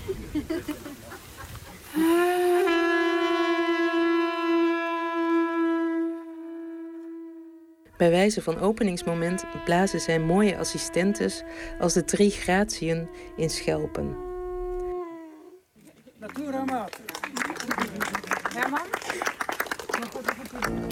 Iemand informeert of het momentje nog even over kan, maar daar begint de Vries niet aan. De volgende dag ontmoet ik Herman de Vries in het appartement waar hij verblijft. You have to go into the garden. You have to go here and Yeah? to the left. Oké, dank u. I call Herman. Goedemorgen. Herr, wir können wir mal kurz Blutdruck messen. Waarom? Jetzt gerade?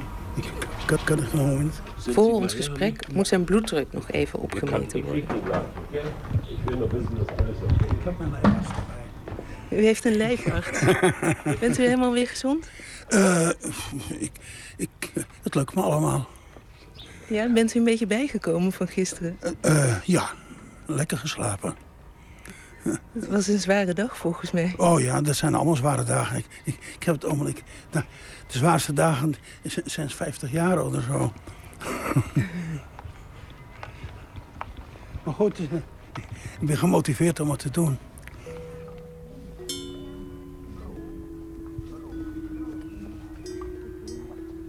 U keek als jongetje ook al naar die natuur. Eh, Kijkt u nu anders dan toen u klein was? Oh, dat is een moeilijke vraag. ik was toen klein, ik had, ik had andere ogen, maar ik had wel open ogen. En ik was heel geïnteresseerd in, in de natuur. Mijn, mijn oudere zuster, tien jaar ouder, was dat ook. En die liet me als jongetje dan eh, zien op, op landpaden buiten de stad Alkmaar. Kijk, dit is een veldbies. Een plantje dat ik nog steeds graag heb. En tussen de straattegels in, de, op de straat grond, eh, groeit straatgras. Straatgras, Poa annua. Het eenjarig plantje, wat nog steeds een favoriet plantje van me is.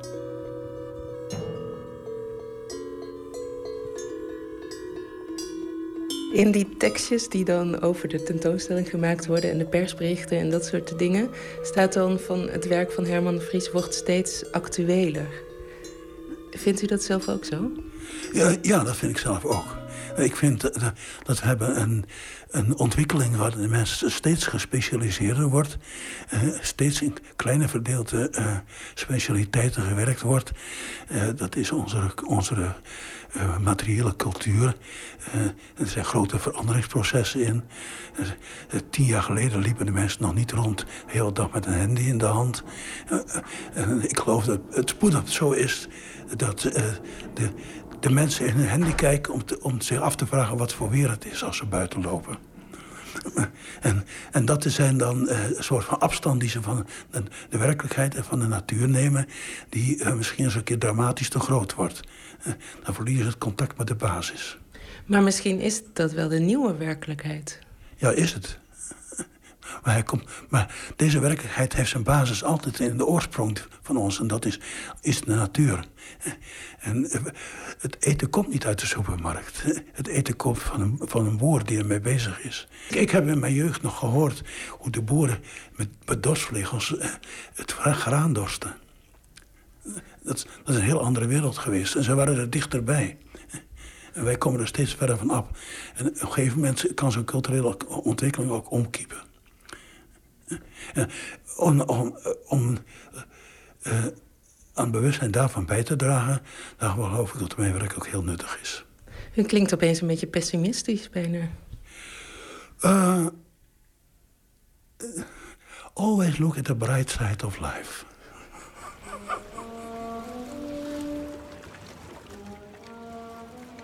Of je nou een cultuurpessimist bent of niet, op de een of andere manier lijkt de kunst van de Vries te werken. Opeens zie je tussen de oude stenen en de benen van al die toeristen in Venetië een graspolletje dat moedig probeert tussen de tegels vandaan te komen. Je bent zelfs geneigd te denken dat het wier danst met het water in de kanalen. Be aware. Verdomd, het werkt.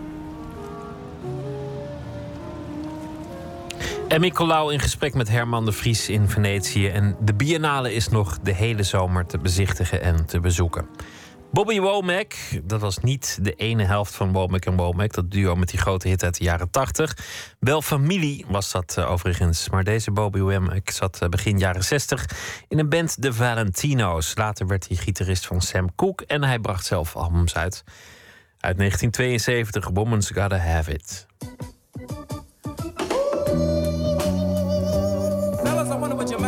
To you a minute. You know, sometimes we have our tendencies, or should I say, we forget what a woman needs every now and then. That is, if you want to keep your thing together. Listen to me now. Do the things that keeps a smile on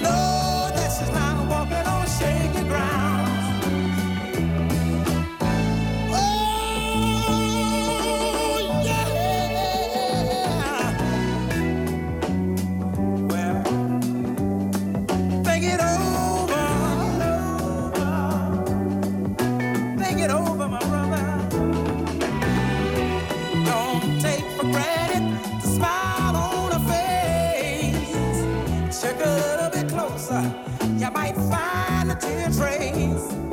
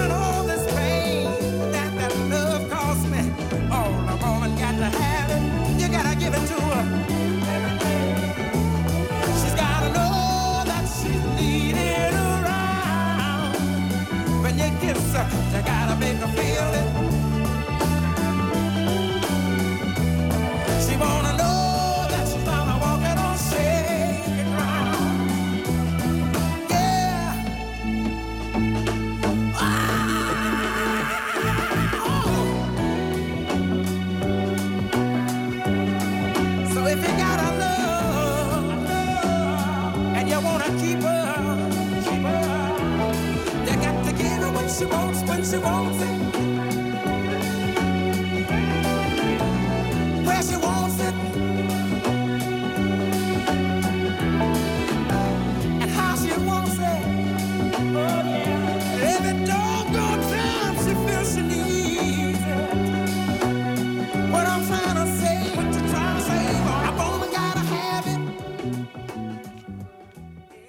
Bobby Womack, eh, vorig jaar overleden op 70-jarige leeftijd. Woman's Gotta Have It. Nooit meer slapen. पढ़े लिखे गवार जज्बाती मत बन पहले लाइन में खड़े रहेंगे फॉर्म भरेंगे पैसे भरेंगे फिर ट्रीटमेंट करेंगे भाई साहब बहुत खून बह रहा है भाई साहब भाई तो साहब इसमें मैं क्या करूं ये रूल तुम लोगों ने बनाया है तो पहले रूल फिर treatment Treatment, rule.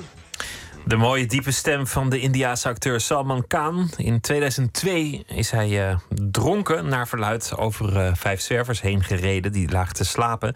Vandaag, 13 jaar later, is hij eh, schuldig verklaard en wordt dus veroordeeld. Maarten Westerveen, welkom. Je hebt je verdiept in het eh, dossier. Nou zou je makkelijk een vergelijking kunnen maken en zeggen... dat is alsof, eh, nou ja, noem maar Johnny Depp hier veroordeeld zou worden... maar dan, dan ben je er eigenlijk nog niet. Het is voor wie Bollywood volgt nog een veel groter verhaal dan dat. Ja, dat was ook eigenlijk mijn fascinatie ervoor. Want ik kijk geen Bollywood-films, behalve Singham... die ik trouwens iedereen aan kan raden. Maar ehm, ja, inderdaad, Bollywood-films die gaan aan de meeste van ons Nederlanders voorbij. Maar het heeft een absoluut miljardenpubliek. En, en niet alleen uh, India zelf, daarbuiten ook. Uh, en ik ben wat rond gaan bellen in de, nou ja, de gemeenschap hier in Nederland. Zo sprak ik onder andere filmdirecteur Ricardo uh, Burgzorg. Hij is van het Indiaas Filmfestival. En hij verklaarde dat, nou ja, als je het over Bollywoodfilms hebt en de aantrekkingskracht, dan heb je het niet alleen over dat subcontinent, maar dan heb je het over een veel grotere wereld. De markt buiten India is, uh, mag je eigenlijk bijna net zo groot als de markt India noemen. Als ik bijvoorbeeld in het Midden-Oosten wordt heel veel naar de Bollywoodfilms gekeken. En dat heeft een traditie. Een goede vriendin van mij, Gunay Uslu, die vertelde mij ooit... ja, Ricardo, in Turkije keken wij ook altijd uh, naar de Hindi-films. En dat heeft er vooral mee te maken omdat je uh, met de hele, hele familie naar die films kon kijken. De lengte van de films, de verhaallijnen, de muziek en de dans... Uh, die zo typerend zijn voor wat de Bollywoodfilm is gaan, is gaan heten. Ja, ik, ik vind dat heel fascinerend. Een enorme wereld, hè? Want, want uh, als je het dan vergelijkt met een, een, een beroemde Hollywood-acteur, heb je het eigenlijk over een groter publiek als je het in aantallen zou bekijken. Je hebt het ongeveer over een bereik van nou ja, een, een kwart van de wereldbevolking dat Bollywood-films kijkt. Ja, en die, dat, en die daar heel erg aandachtig naar kijken en dat heel serieus nemen. En Want, die sterren zijn, zijn nog veel meer sterren dan, dan wij hier gewoon vinden. Dat, de sterrenstatus is nog vele malen hoger dan, uh, dan bij ons. Je mag eigenlijk, ik, ik heb het aan twee anderen ook nog gevraagd. Onder andere choreograaf en antropoloog Kalpana Raghuran. Raghuraman, moet ik zeggen. Uh, ja, die zegt, ja, je moet dat helemaal niet. Dat moet je helemaal niet. Dat woord, het woord sterren moet je helemaal niet gebruiken. Ster doet niet genoeg recht aan hun status. Uh, groter dan God, of minstens God. ja, het is echt, echt uh, er is heel veel uh, hero worship, zoals we dat in het Engels noemen. Heel veel, ja, hoe noem je dat in het Nederlands? Gewoon, ja, het is echt de, de Bollywoodsterren voornamelijk. Ook de cricketspelers, die de sporters die cricket spelen. Maar ja, Bollywoodsterren, als je grote Bollywoodster bent, dan ben je gewoon ja, een rolmodel, een held, alles. Mensen ze hebben tempels voor acteurs zelfs. Ze zijn helemaal gaga. ja, als, als een god. Een van die goden is dus uh, veroordeeld voor, voor vijfvoudige doodslag zal het wel zijn, of dood door schuld of, of moord. Ja, hij is um, ladderzat over een groep daklozen heen gereden. En um, nou, de getuigen zeggen dat hij nou ja, stomdronken uit zijn auto kwam stommelen. En uh, toen gewoon weg is gaan rennen samen met zijn neef. Ja, um, hij gaat nu waarschijnlijk veroordeeld worden. Uh, een van die, over, uh, van die daklozen ja, die heeft dat niet overleefd. Mensen willen daar niet echt aan.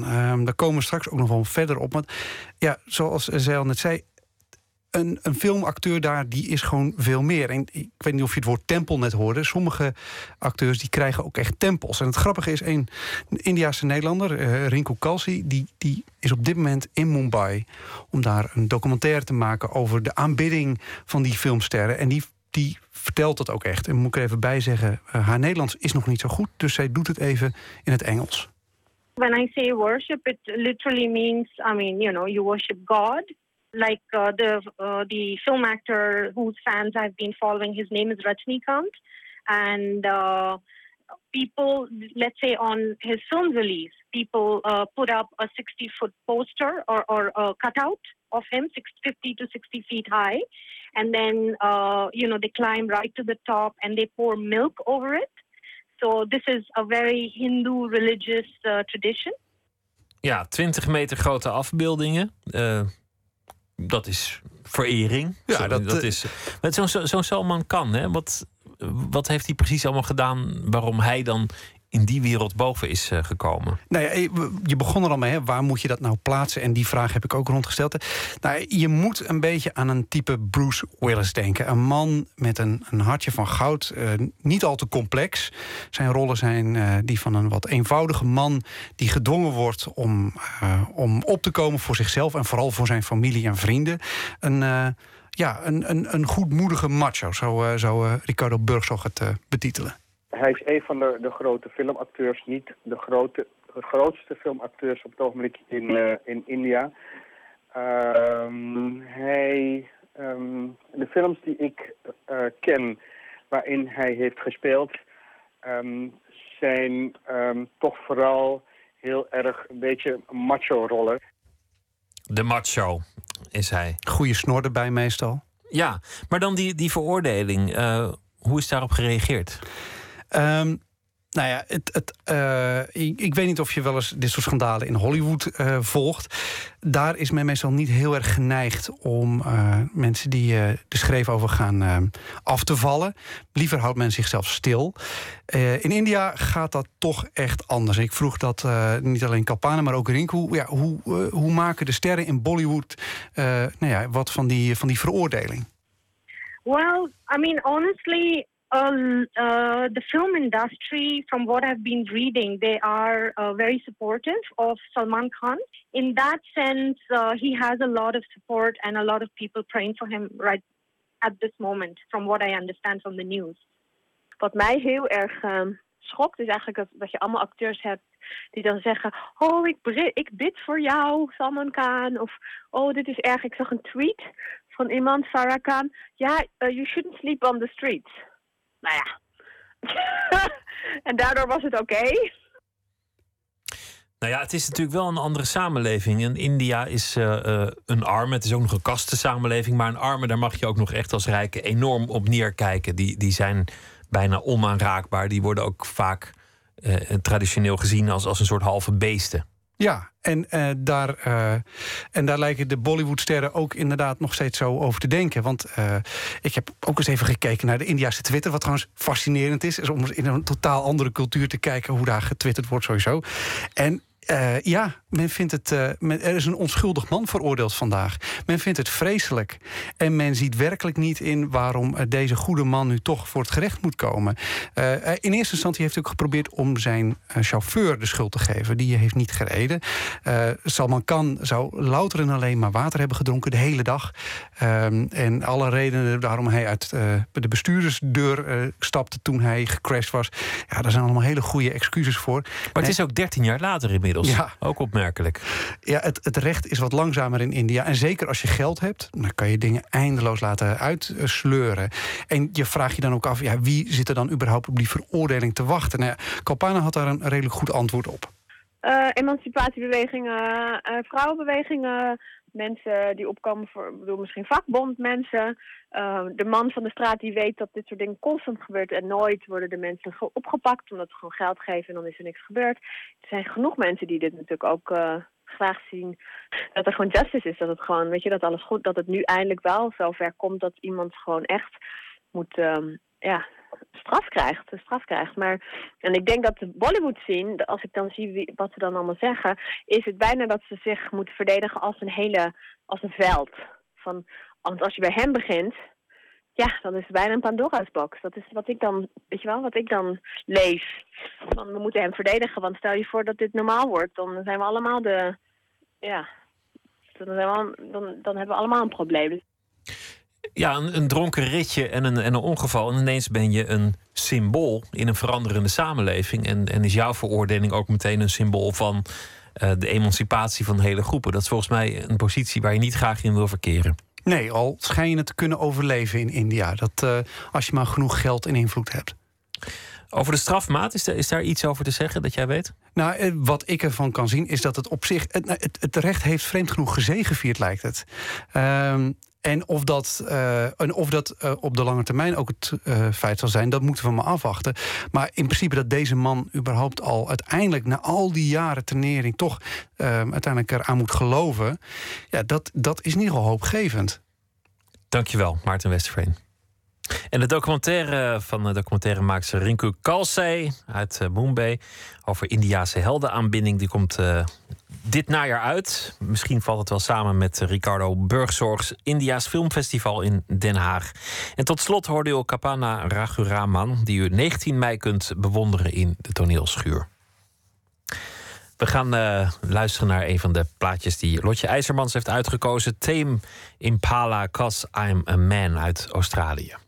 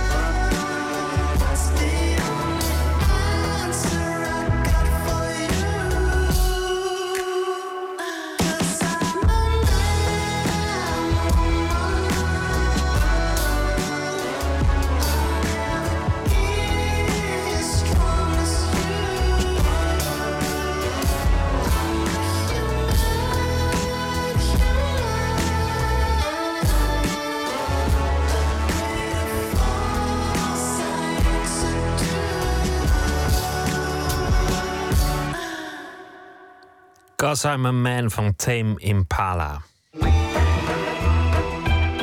Nooit meer slapen. Ilja Kok en Willem Timmers zijn documentairemakers. Maakten eerder een film over Nederlandse toeristen op reis in Afrika. Dit keer doen ze het andersom. Een film over de Chinese toerist. Want de Chinezen hebben massaal het eh, stadje Giethoorn ontdekt. Maar wat komen ze daar nou eigenlijk doen? En eh, hoe geestig is het niet om de Giethoornse tuinen te zien met bordjes in het Chinees niet op het gras lopen? Ni Holland is eh, de titel. En eh, zijn die Chinese toeristen nou echt zo anders dan de Nederlandse toeristen in de vreemde? Was een van de vragen. Floortje Smit in gesprek met regisseur Willem Timmers. Chinezen hebben giethoorn ontdekt. Het visumbeleid voor reizigers vanuit China naar Nederland is versoepeld. Giethoorn wordt overspoeld door Chinese vakantiegangers. Chinezen in een punten. Het aantal Chinese toeristen stijgt inderdaad explosief. De verwachting is dat dat in 2025 meer dan 800.000 Chinezen zijn. En bovendien eh, geven ze ook eh, graag eh, geld uit.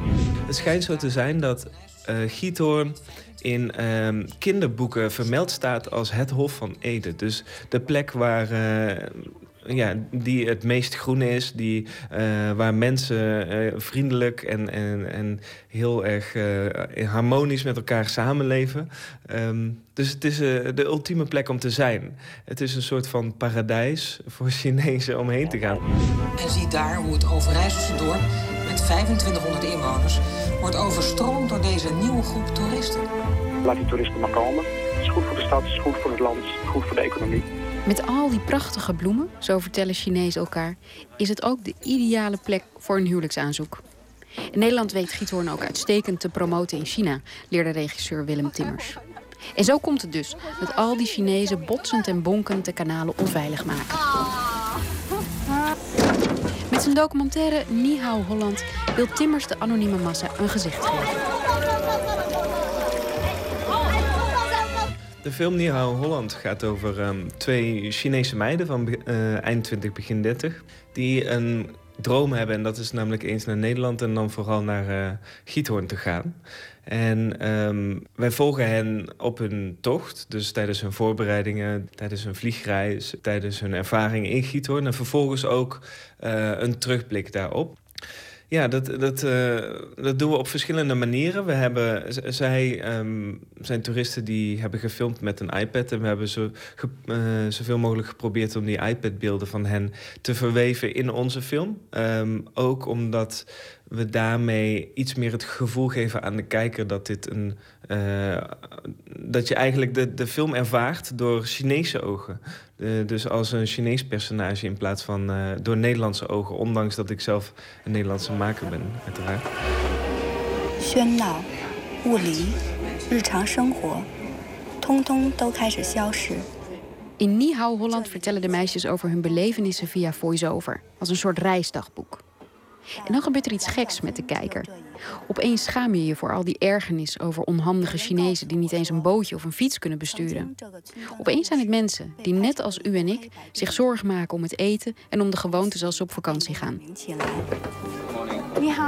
Ja, ik denk dat dat een van de, de doelen is geweest van de film. Om ehm, eigenlijk de Nederlandse kijker met een andere bril naar Nederland te laten kijken. Het gaat wel over Chinezen die naar Nederland komen, maar eigenlijk gaat het veel meer over eh, dat wij op een precies eenzelfde manier een reis voorbereiden, een reis plannen, een keuze maken voor een bestemming bijvoorbeeld. Dat hoeft dan niet Giethoorn te zijn, maar wel dezelfde gedachtegangen. En dat is denk ik onderdeel van dat persoonlijk onderzoek geweest waar deze film voor is gemaakt. Is om te kijken, klopt het eigenlijk wel dat ik vind dat de Chinezen eigenlijk het meest ver van ons bed staan? Of het, het meest eh, vreemde volk is dat ik ken. En uiteindelijk merk je dus heel erg dat dat helemaal niet het geval is. We, we nemen dezelfde medicijnen mee bijvoorbeeld, maar dan staat er bij hen een Chinese etiket op. Dus eigenlijk gaat het veel meer over die gelijkenis in plaats van die verschillen. En ik heb veel, veel gemerkt bij mensen die de film al hebben gezien,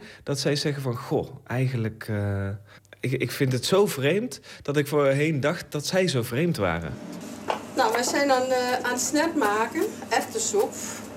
Voor onze Chinese gasten. De Nederlander moeten niet aan denken om 's morgens erwtensoep te krijgen. Maar eh een Chinees wil 's morgens een hot breakfast. Er gaat lekker eh, spek in, worst, alles zit erin. Dus wat dat betreft een, eh, een volkje wat eh, graag ja, vlees eet eigenlijk. Meer dan de Nederlander.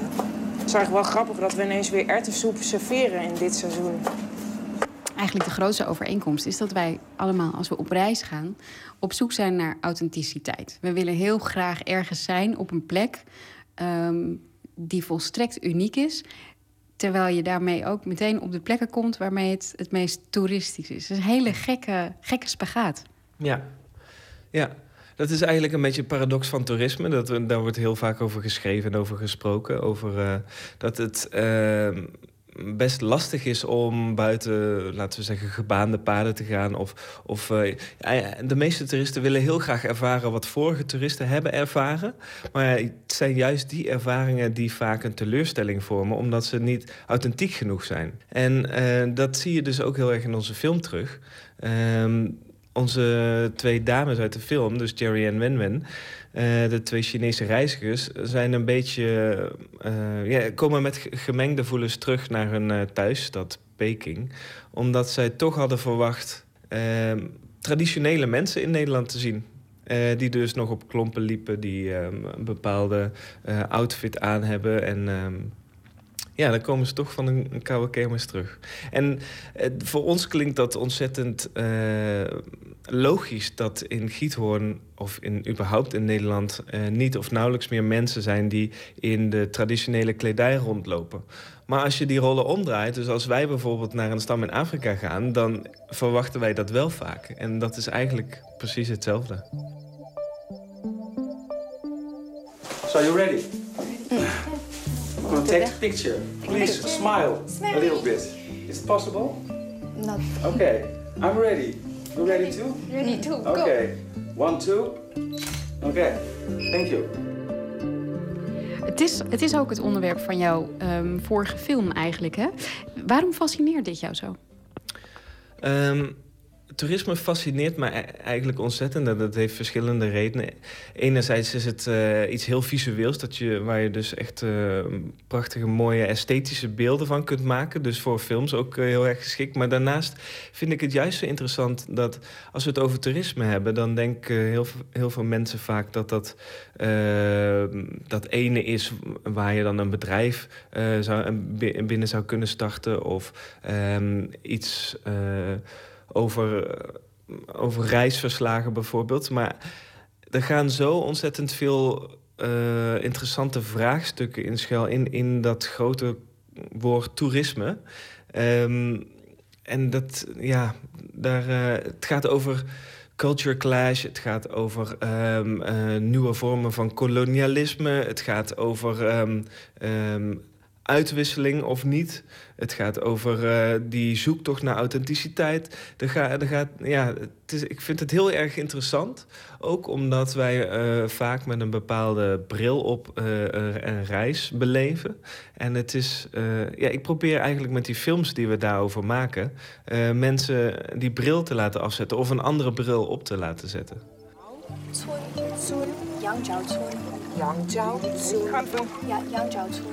Ja, Yangjiao Yangjiao Huan In.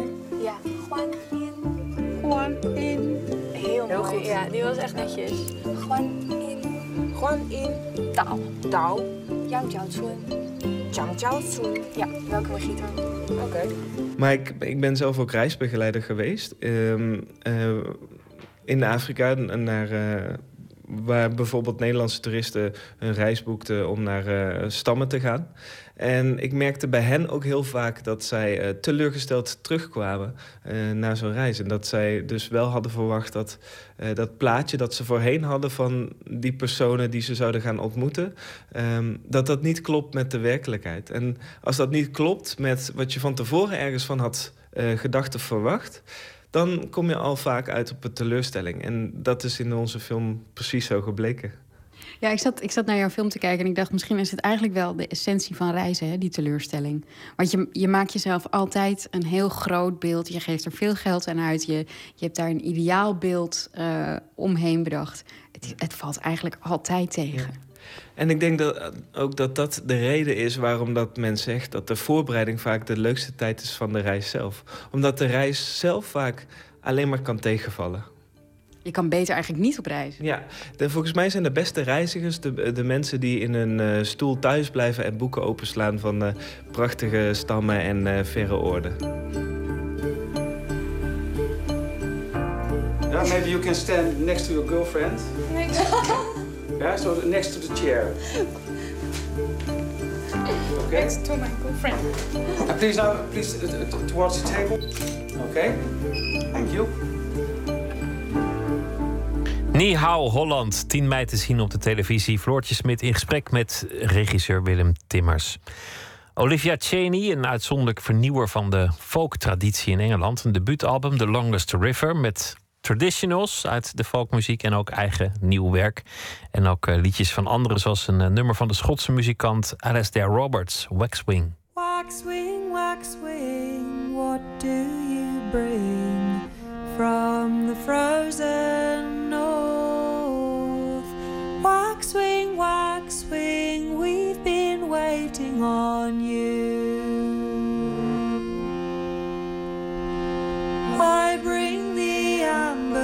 That I have gathered on the northern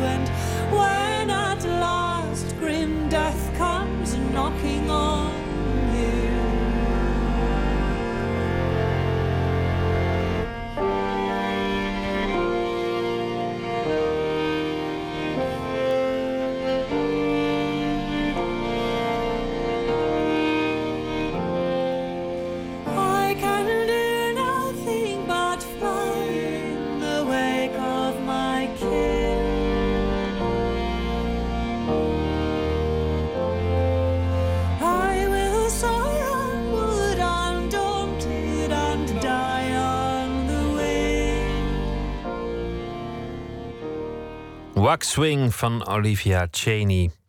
Josse Kok is eh, dichter, wordt wel eens het beest van Dordrecht genoemd. In 2013 debuteerde hij met de bundel Ik heb geslacht. Hij zal deze week elke nacht een eh, gedicht van eh, iemand anders voordragen. Daniel Vis is vannacht aan de beur- beurt. En het gedicht heet Hij kust je borsten 2.0.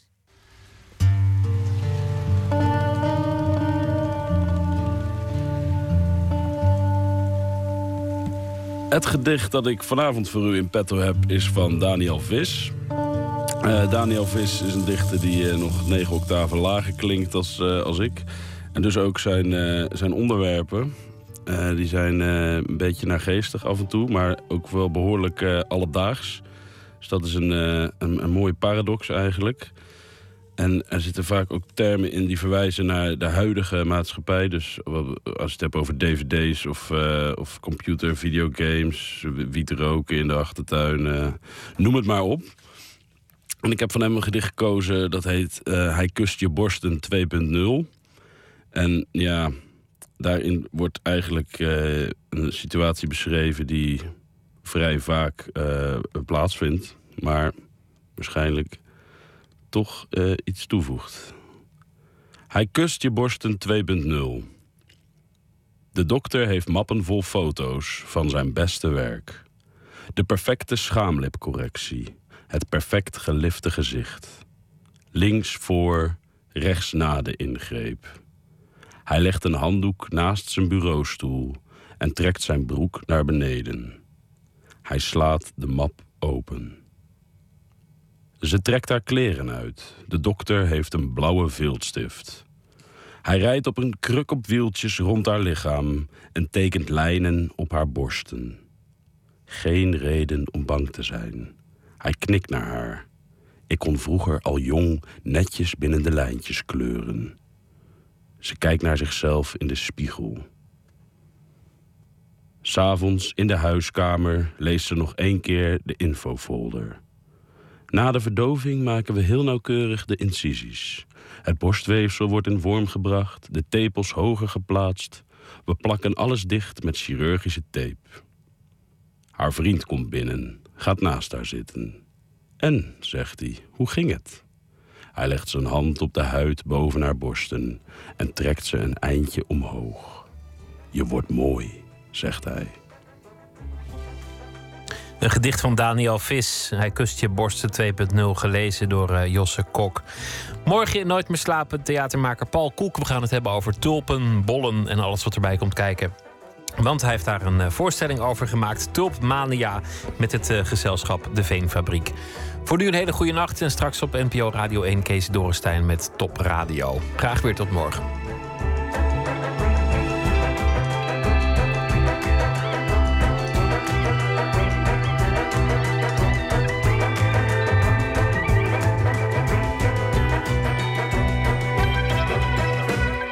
Op Radio 1, het nieuws van alle kanten.